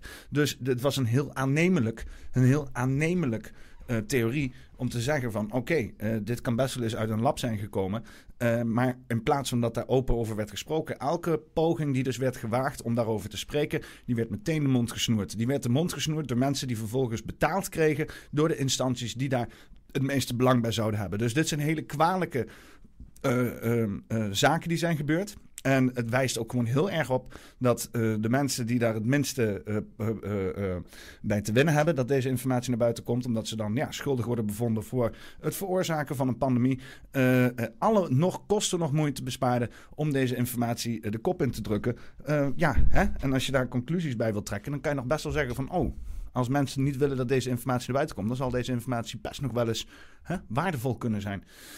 Um, dus uh, wat hebben we? We hebben hier een, uh, een industrie die hooglijk uh, immoreel is. We hebben hier allerlei uh, voorbereidingen uh, voordat dus de uitbraak was. Waarbij ze een uh, exacte simulatie deden van alle zaken die naar buiten kwamen. En hoe ze dus inderdaad moesten gaan handelen. Met bijvoorbeeld media en gezondheidsexperts en politiek die allemaal op één lijn lagen. Terwijl wij kregen te horen dat niemand wist wat er aan de hand was.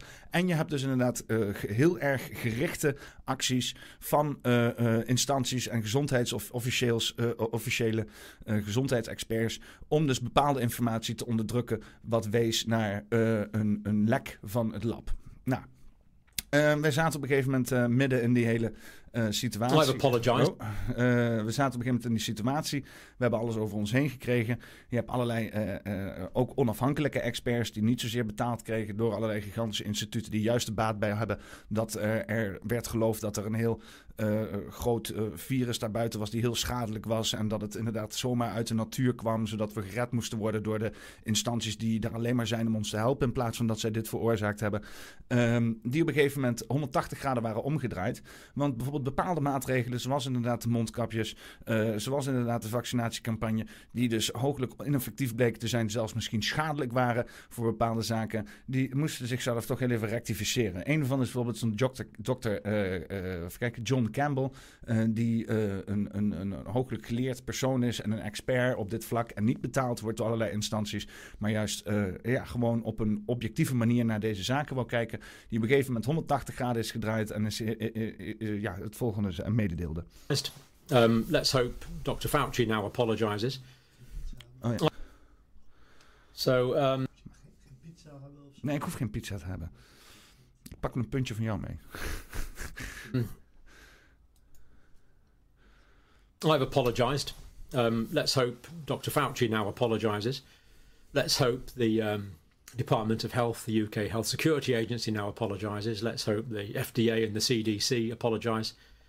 Um, let's hope uh, President Biden, he was a great mask advocate. Let's hope he now apologises. Um, our prime ministers have worn masks over many occasions. Let's hope they now apologise for misleading the public, or at least advocating interventions which are not supported by the evidence. Ja, dus hij zegt inderdaad dat dus uh, alle maatregelen die zijn genomen, die zijn dus niet ondersteund door het bewijs. Hè? Dus heel veel mensen die hebben constant geroepen van ja, volg de wetenschap, er is bewijs, er is onderzoek. En dat bewijs en dat onderzoek, dat bleek er dus helemaal niet te zijn. Hè? Dus al die maatregelen die genomen waren, die waren onlegitiem. die mochten, ja, die hadden niet genomen mogen worden. En Um, um, nou, kan gebeuren, wat natuurlijk raar is, want ze zijn heftig voorbereid op hè, met die simulatie, met die uh, event 201, 200. Um, uh, uh, dus dus die, die, claim dat ze dus maar dingen hebben gedaan en fout hebben gemaakt, is eigenlijk een beetje een kut argument. maar afijn, hè, laten we zeggen dat ze dan bijvoorbeeld in ieder geval nu wel inzien dat hun fouten echt waren. Nee, in plaats van dat gaan ze nadat al deze shit door is, uh, uit is gekomen, gaan ze alles vastzetten in wetgeving. Um, niet alleen maar in Nederland, want daar kom ik straks op terug, laat ik hierna nog even zien, maar ook gewoon vanuit de WHO, de World Health Organization. Parties referred to in those provisions shall make this information shall um, shall make this information generally available to other state parties until such times when, this is the key thing here, when uh, WHO determines it's necessary that such information is made available to state parties. So the WHO will decide when it's necessary because this bit is uh, new to make informed, timely assessments.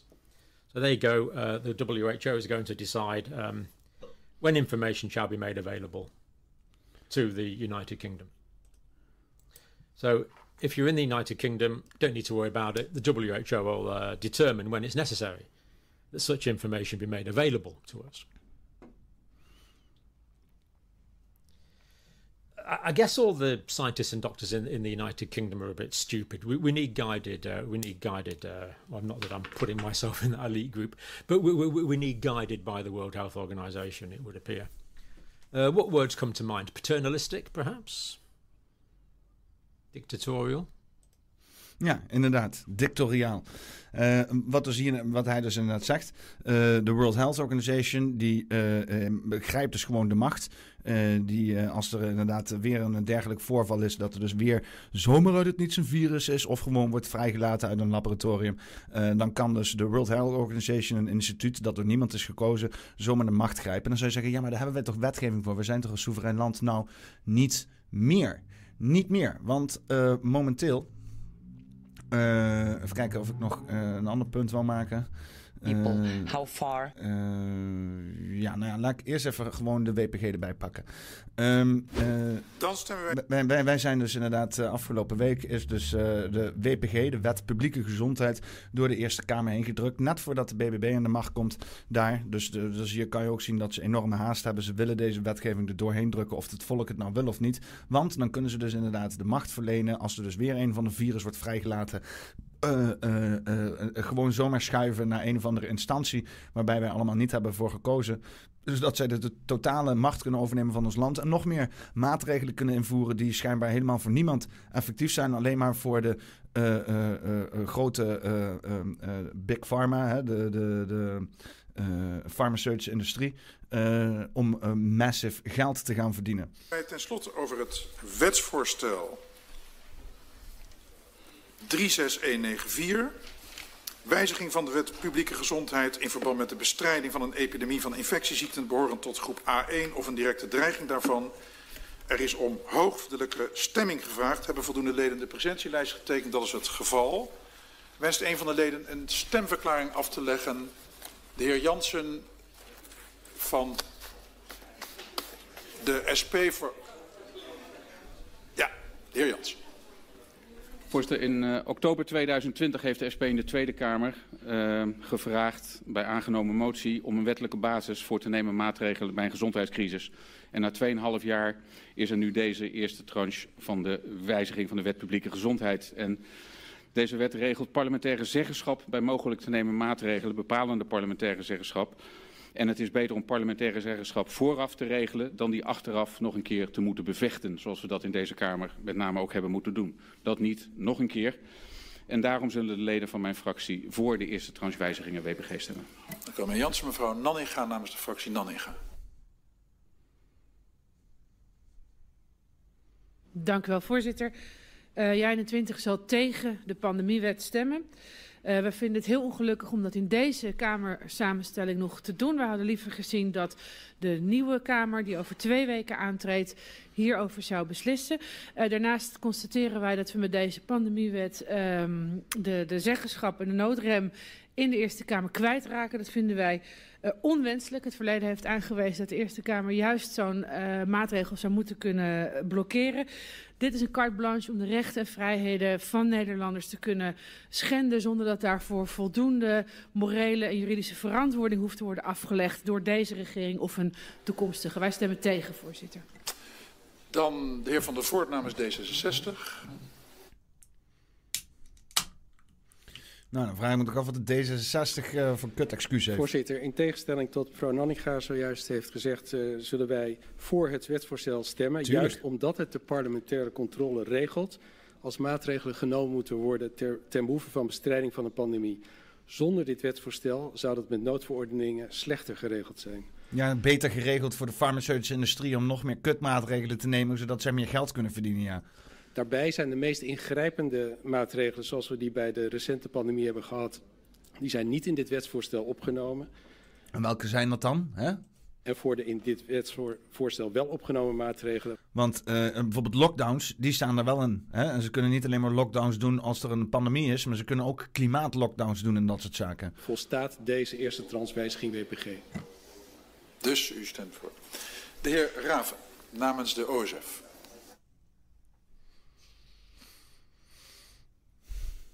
Dank u wel, voorzitter. Um, ik zal zo dadelijk tegen het uh, wetsvoorstel stemmen. En dat heeft te maken A met het feit dat ik uh, al een keer hier aangekondigd heb. Dat ik vind dat het in de nieuwe Kamer zou, zou moeten worden besloten.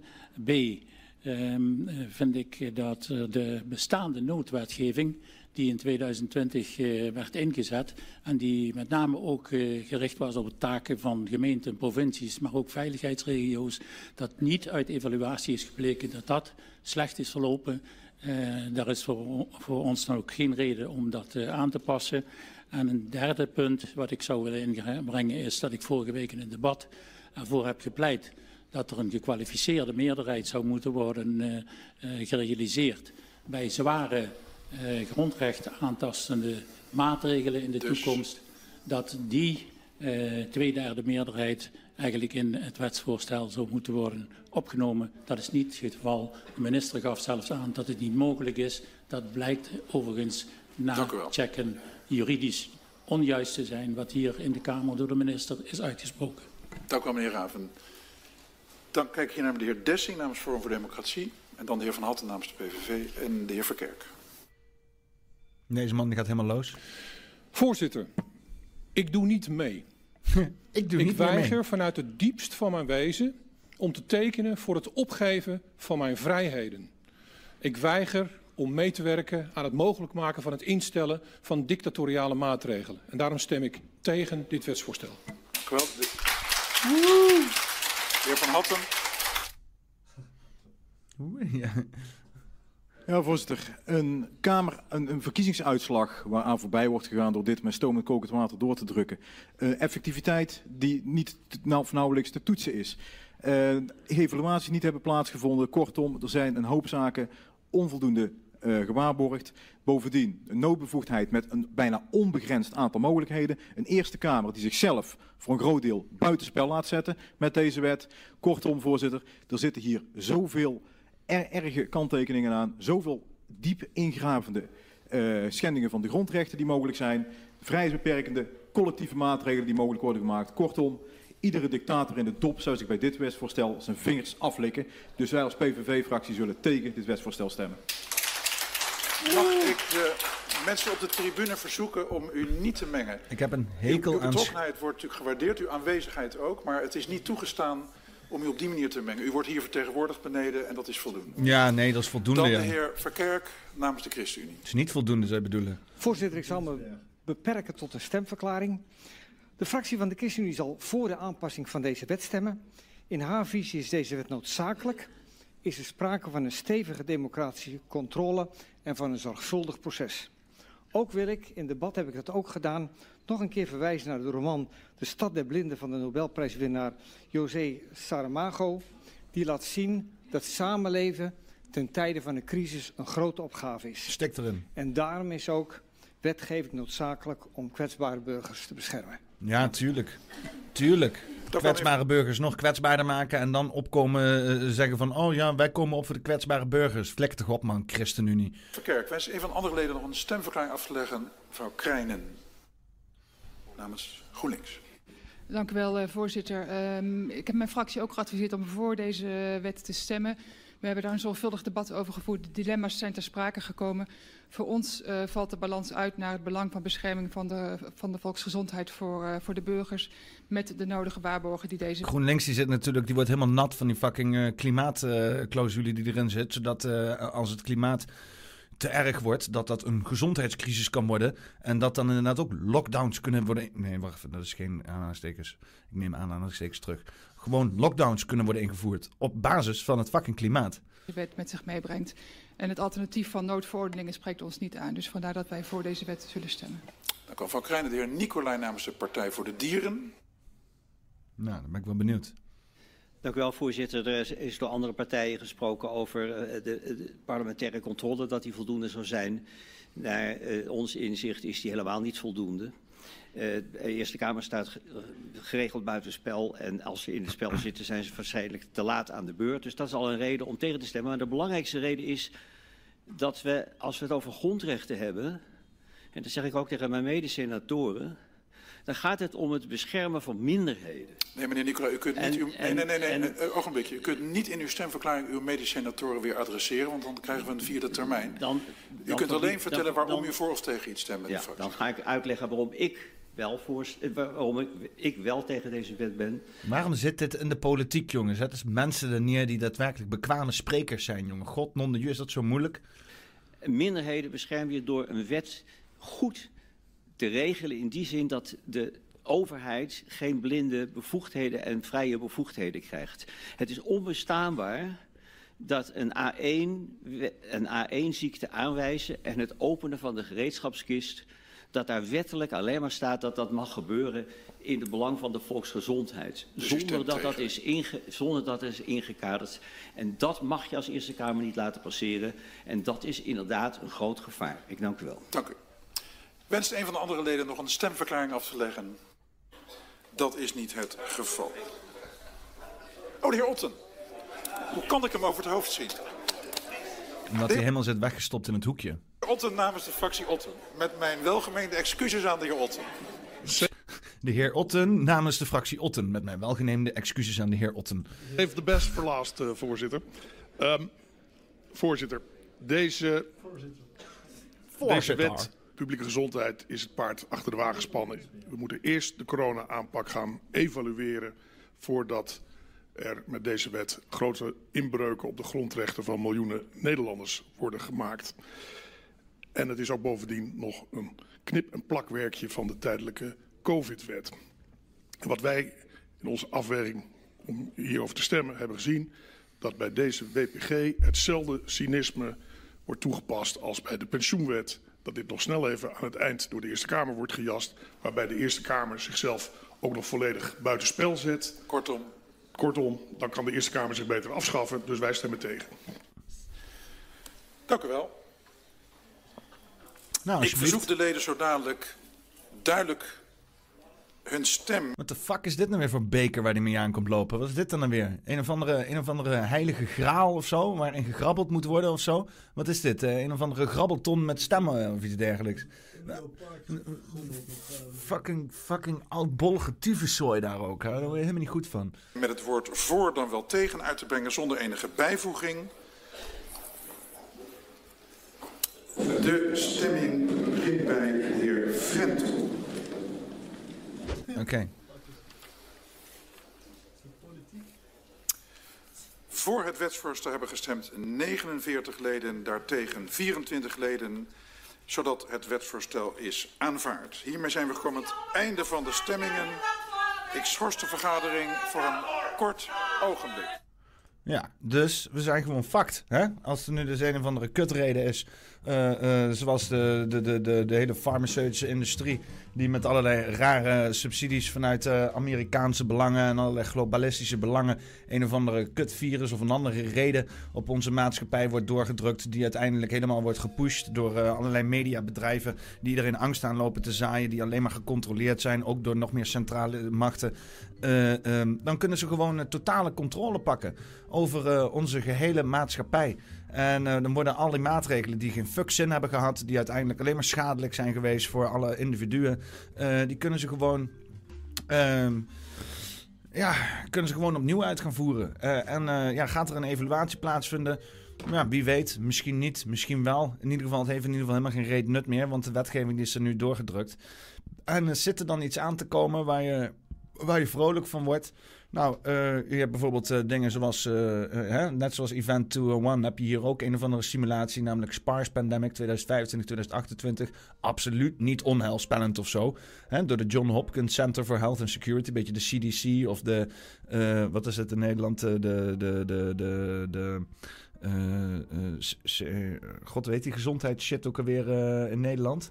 Maar, maar dingetje ook werkte, weet je wel, met die bellen, belletjes deden. Nou ja, in ieder geval de, de Centrale Gezondheidsorganisatie Nederland, uh, alleen dan van, uh, van, van uh, Amerika als het goed is, die dus ook inderdaad zijn eigen simulaties doet van een of andere hypothetische fucking pandemie die zou gaan plaatsvinden. Nou, hè, en dan zou je dan straks, als er weer een of andere pandemie plaatsvindt, weer iedereen vinden die heftig onvoorbereid is en niet weet waar het vandaan komt en dat het allemaal uit de natuur komt en dat ze er niks aan kunnen doen. Ze kunnen letterlijk gewoon een virus maken, ze kunnen dat los loslaten op ons en dan de volledige controle pakken over onze maatschappij. En niet alleen in Nederland, maar uh, over uh, allerlei vlakken van, uh, van, van, van, van de wereld. En ehm, ja, waar mij dit aan moet denken is een situatie waar Fever Valentine, dan Fever Vendetta over Fever Valentine gesproken. Aankomende zondag Robert Valentine hier in de podcast. Gaan we gezellig praten over allerlei andere zaken. En dan leren we Robert ook even op een andere manier kennen. Maar waar mij dit aan doet denken is uit een scène van uh, Vendetta. Waar er een hypothetische, ja, dat is natuurlijk een film, dus allemaal fictie. Maar ja, dit soort dingen, dit soort gedachten bij mensen, die, die zitten al langer in de lucht. Hè? Het is niet zo dat, dat dit allemaal zomaar uit het niets wordt gegrepen. Er, is al, er zijn mensen die kijken naar de maatschappij, die kijken naar bepaalde trends die dus gaande zijn en die verzinnen daar kunst op. of die proberen een bericht bij iedereen door te drukken dat er wel degelijk bepaalde krachten gaande zijn. En um, ja, dit is een, een, film uit 2004 als ik het goed heb. en die schetst een dystopia waar we met z'n allen in terecht zijn gekomen van een overheid die controle pakt, totale controle over de maatschappij, naar aanleiding van een of andere virus. Or false. I leave such judgments to you, Inspector. Our story begins, as these stories often do, with a young up-and-coming politician. He's a deeply religious man and a member of the Conservative Party. He's completely single-minded and has no regard for the political process. The more power he attains, the more obvious his zealotry, and the more aggressive his supporters become. Eventually, his party launches a special project in the name of national security. At first, it's believed to be a search for biological weapons, and it's pursued without regard to its cost. However, the true goal of this project is power, complete and total hegemonic domination. The project, however, ends violently.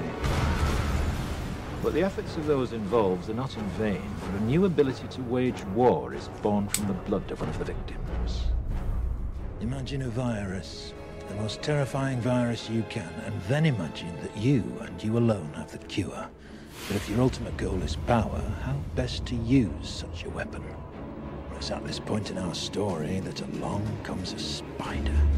He is a man seemingly without a conscience, for whom the ends always justify the means, and it is he who suggests that their target should not be an enemy of the country, but rather the country itself. Three targets are chosen to maximize the effect of the attack a school, a tube station, and a water treatment plant.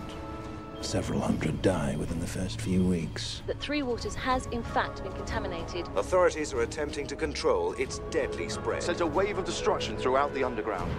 Fueled by the media, fear and panic spread quickly, fracturing and dividing the country until at last the true goal comes into view. Before the St. Mary's crisis, no one would have predicted the results of the election that year, no one. And then, not long after the election, lo and behold, a miracle. Some believed it was the work of God Himself, but it was a pharmaceutical company controlled by certain party members that made them all obscenely rich. A year later, several extremists are tried, found guilty, and executed while a memorial is built to canonize their victims. But the end result, the true genius of the plan, was the fear. Fear became the ultimate tool of this government, and through it, our politician was ultimately appointed to the newly created position of High Chancellor. The rest, as they say, is history. Nou, mensen, gefeliciteerd. We leven in Viver, Viver Vendetta. Hè? Uh, alles klopt. Uh, het, het, virus wat is vrijgelaten. Iedereen die dus inderdaad totale controle uitgeeft aan de overheid. bepaalde mensen die er behoorlijk rijk van worden. Want ja, hè, ik had dus ook heel even uitgezocht. wat dus inderdaad de verdiensten zijn van Pfizer. Ehm, Pfizer die heeft. even kijken. even kijken dit een... Nou ja, even kijken. Oh nee, maar even. Dit was de eerste leven. Je hebt dus... Volgens mij is je pizza daar, hoor. Shut, verdomme, dat snel, hè. Uh, we hadden het net over de World Health Organization, uh, die dus inderdaad de totale controle heeft gepakt uh, over, over de, de, de, de means of government. Doe die deuren eens open, jongen, godverdomme. Uh, en uh, je ziet ook dat Pfizer samenwerkt met de World Health Organization om dus ja, hè, dat soort dingen te bewerkstelligen. Dus die hebben gewoon een speciaal rolletje bij de, bij de, bij de WHO om bijvoorbeeld meer vaccinaties te verkopen of nou, laten we eens iets zeggen. Dus vragen we af hoeveel heeft, uh, even kijken, hoeveel heeft even kijken, heb ik het. How much did Pfizer earn on the COVID-vaccine? Nou, die hebben dus iets van 100 miljard hebben zij verdiend aan de hele uh, pandemie. Hè? Dus diezelfde scène die je hebt uh, in uh, Fever Vendetta over it made some people in, obscenely rich. Zijn sommige mensen behoorlijk rijk geworden. Dat is dus ook gewoon gebeurd. Dus je hebt inderdaad een, een, een ons land die inderdaad wetgeving heeft uitgebracht waarbij wij totale verantwoording uitleggen naar een, een, een gezondheidsminister die dan dictatoriale krachten krijgt over ons land. Een NGO, een niet gekozen government organization die banden heeft met gigantische big pharma organisaties om ons allerlei dingen te kunnen verkopen die niks te maken hebben met publieke gezondheid, maar alleen maar met het draaien van meer winst. Uh, uh, vervolgens allerlei aanwijzingen nadat dat soort virussen allemaal gewoon worden gecreëerd in labs. En dat dat gewoon over ons uit wordt gerold door een industrie die sowieso al kwaadaardige dingen deed. Dus ja, hè? wat ik zeg, gefeliciteerd. We zitten met z'n allen in V for Vendetta. Of 1984, of hoe je het ook wil noemen. Het is, uh, het is, uh, het is een mooi, uh, mooi zooitje waar we ons in hebben vastgekregen. en ehm, Um, ja, dat hebben we allemaal te danken aan alle mensen die gewoon constant hebben gestemd op de VVD, de D66, GroenLinks. Je zag het net in die stemmingen. De, de ChristenUnie, eh, CDA, die hebben uh, gewoon al onze macht uit handen gegeven. En die hebben ons totaal onafhankelijk gemaakt van organisaties zoals een Pfizer, die gewoon ons nu helemaal leeg kunnen melken. Die kunnen letterlijk nu gewoon een virus loslaten in de wereld. En ons allemaal producten gaan verkopen om ons te beschermen tegen het probleem wat ze zelf hebben gecreëerd. Wat natuurlijk al bezigheden zijn die constant gaande zijn. Kijk naar de oorlog. Uh, kijk naar de financiële uh, aspecten van. Hè, de, de, de ECB die doet ook gewoon zelf problemen creëren en dan ons meer belasting laten betalen om dan vervolgens dat allemaal weer op te lossen. Het is allemaal één grote clusterfuck. Uh, en dat, dat staat allemaal in synoniem met gewoon gigantische centralisatie. Waarbij alle controle gewoon de deur uit wordt gegooid. Die politiek die er gaande is, daar heb je helemaal gereed meer aan. Hè? Zolang er inderdaad al die kabinetspartijen aan de macht zijn. Uh, uh, heb je maar gereed aan? Nou, de, de, de, grootste hoop ligt bij BBB. Nou, wat een druk op de schouders. Ik moet er maar nog maar zien alsof dat uh, iets gaat worden. want je moet niet vergeten dat die mensen... Hè, de BBB is gesponsord of is dus aan de, hun, hun, hun marketing marketingkantoor is Remarkable. Ze zitten notabene op dezelfde locatie. En die heeft ook weer partnerships met Monsanto en Bayer. die uiteindelijk gigantische delen van de voedselketen en de voedselindustrie in, in macht hebben. Dus ze controleren ons geld, ons voedsel, onze gezondheid, onze educatie. het is ehm, ja, 1984. V for Vendetta. We zitten in een dystopia. Dus ja, kom naar de Bosperians. Koop een t-shirt.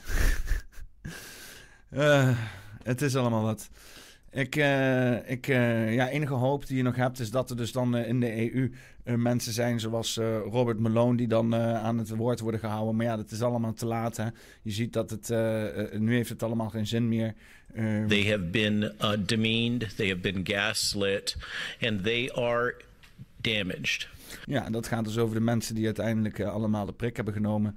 En uh, uh, ja, het zit nu gewoon vast in de wetgeving. Het zit verankerd. we kunnen er niet meer onderuit. Ja, je kan het nog achteruit draaien, maar dat hangt dan allemaal af van een BBB. Die moet gaan strijden tegen, vanuit de Eerste Kamer tegen een zieke coalitie die alles controleert. Vanuit de media, vanuit de dingen waar, waar, waar, waar niemand meer iets over te zeggen heeft. Dus ja,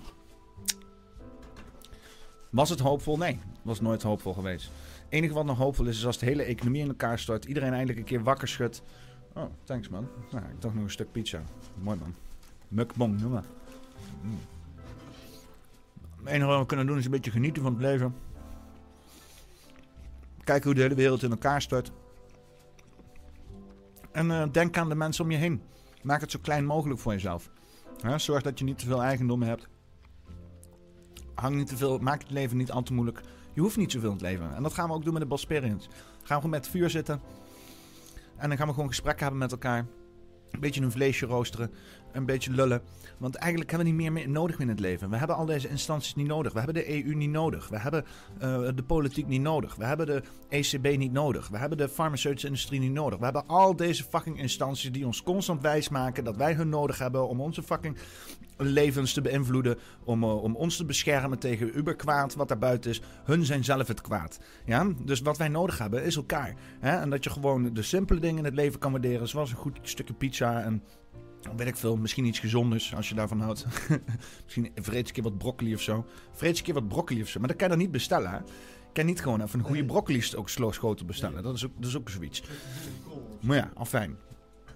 En um, ja, ik, ik, uh, ik uh, wil daar toch wel uh, mee afsluiten met, met deze positieve noot. Geniet van het leven. Denk aan de sponsor. help mij dit bericht te, te, te blijven verspreiden. sponsor mij eventueel. Doe het ook in crypto's, want het geldsysteem gaat natuurlijk allemaal klappen. Um, kan ook, ook een, een, een, een, weet ik veel wat. Een, een, Oh ja, t-shirt. T-shirt. Kan ook uh, join the crew.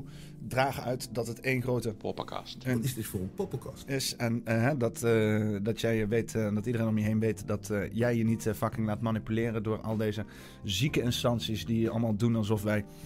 Um, weet ik veel... De, de, de, hele dag angstig moeten zijn voor allerlei shit. Terwijl dat helemaal niet fucking nodig is. Weet je wel? Kan gewoon, kan gewoon, gewoon jezelf zijn. Weet je wel? Neem het leven zoals het is. Ehm eens even kijken. Wie hebben we nog allemaal in de, in de chat hangen? Even kijken. Bas de Second, Cyanide NL, De Vliegende Hollander, Ewout van Mansum, Hanneke Hoekstra, Jelle Poel, Mams Broek, Maybe This Time, Nunvi, Pauli, Peter Leeuw, Robert Pacino, uh, Zwerm J, D Noting, Post of Always, Wijnand Schrievers. Uh, bedankt iedereen voor het chatten. Um, bedankt voor, uh, voor weer te participeren in deze Paffy met Poppenkast. Um, ik wil afsluiten met een, een, een, filmpje. Uh, die, uh, die, uh, die toch wel, ja, ik weet niet, toch ook weer tekenend is.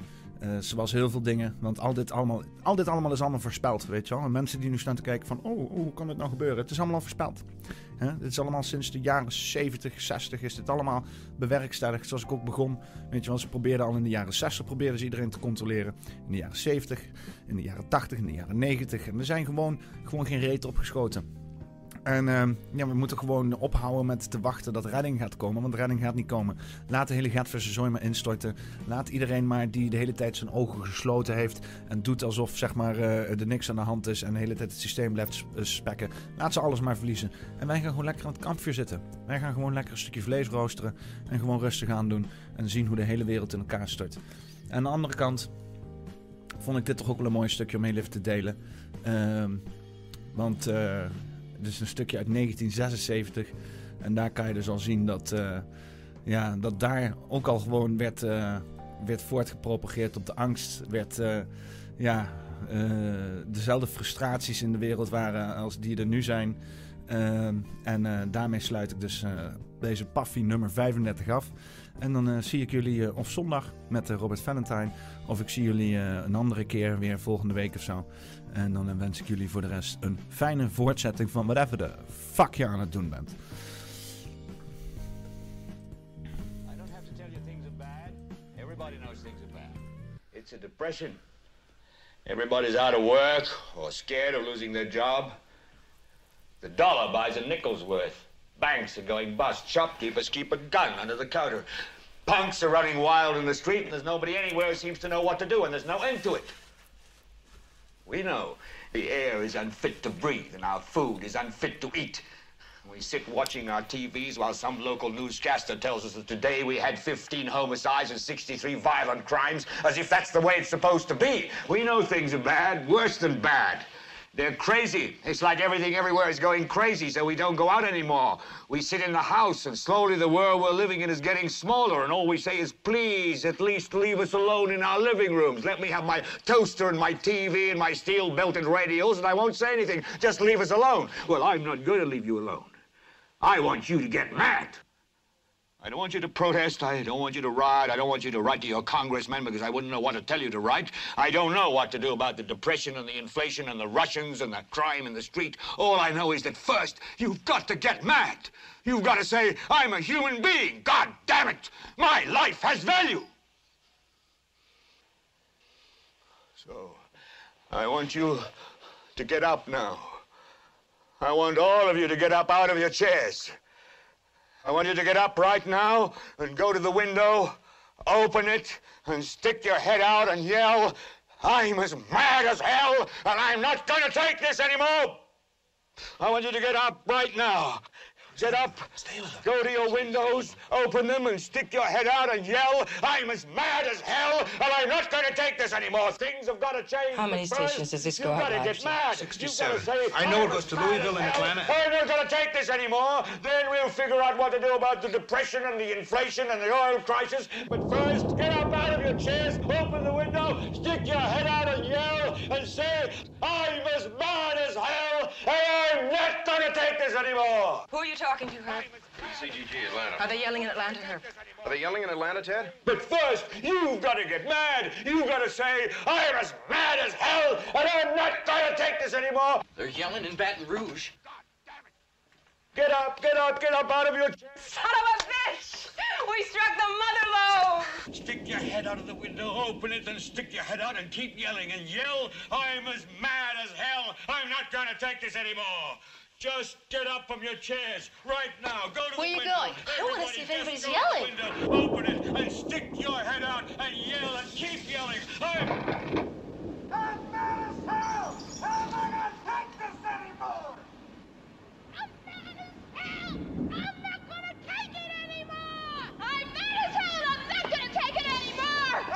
As hell! I'm not gonna take it anymore! I'm not gonna take it anymore!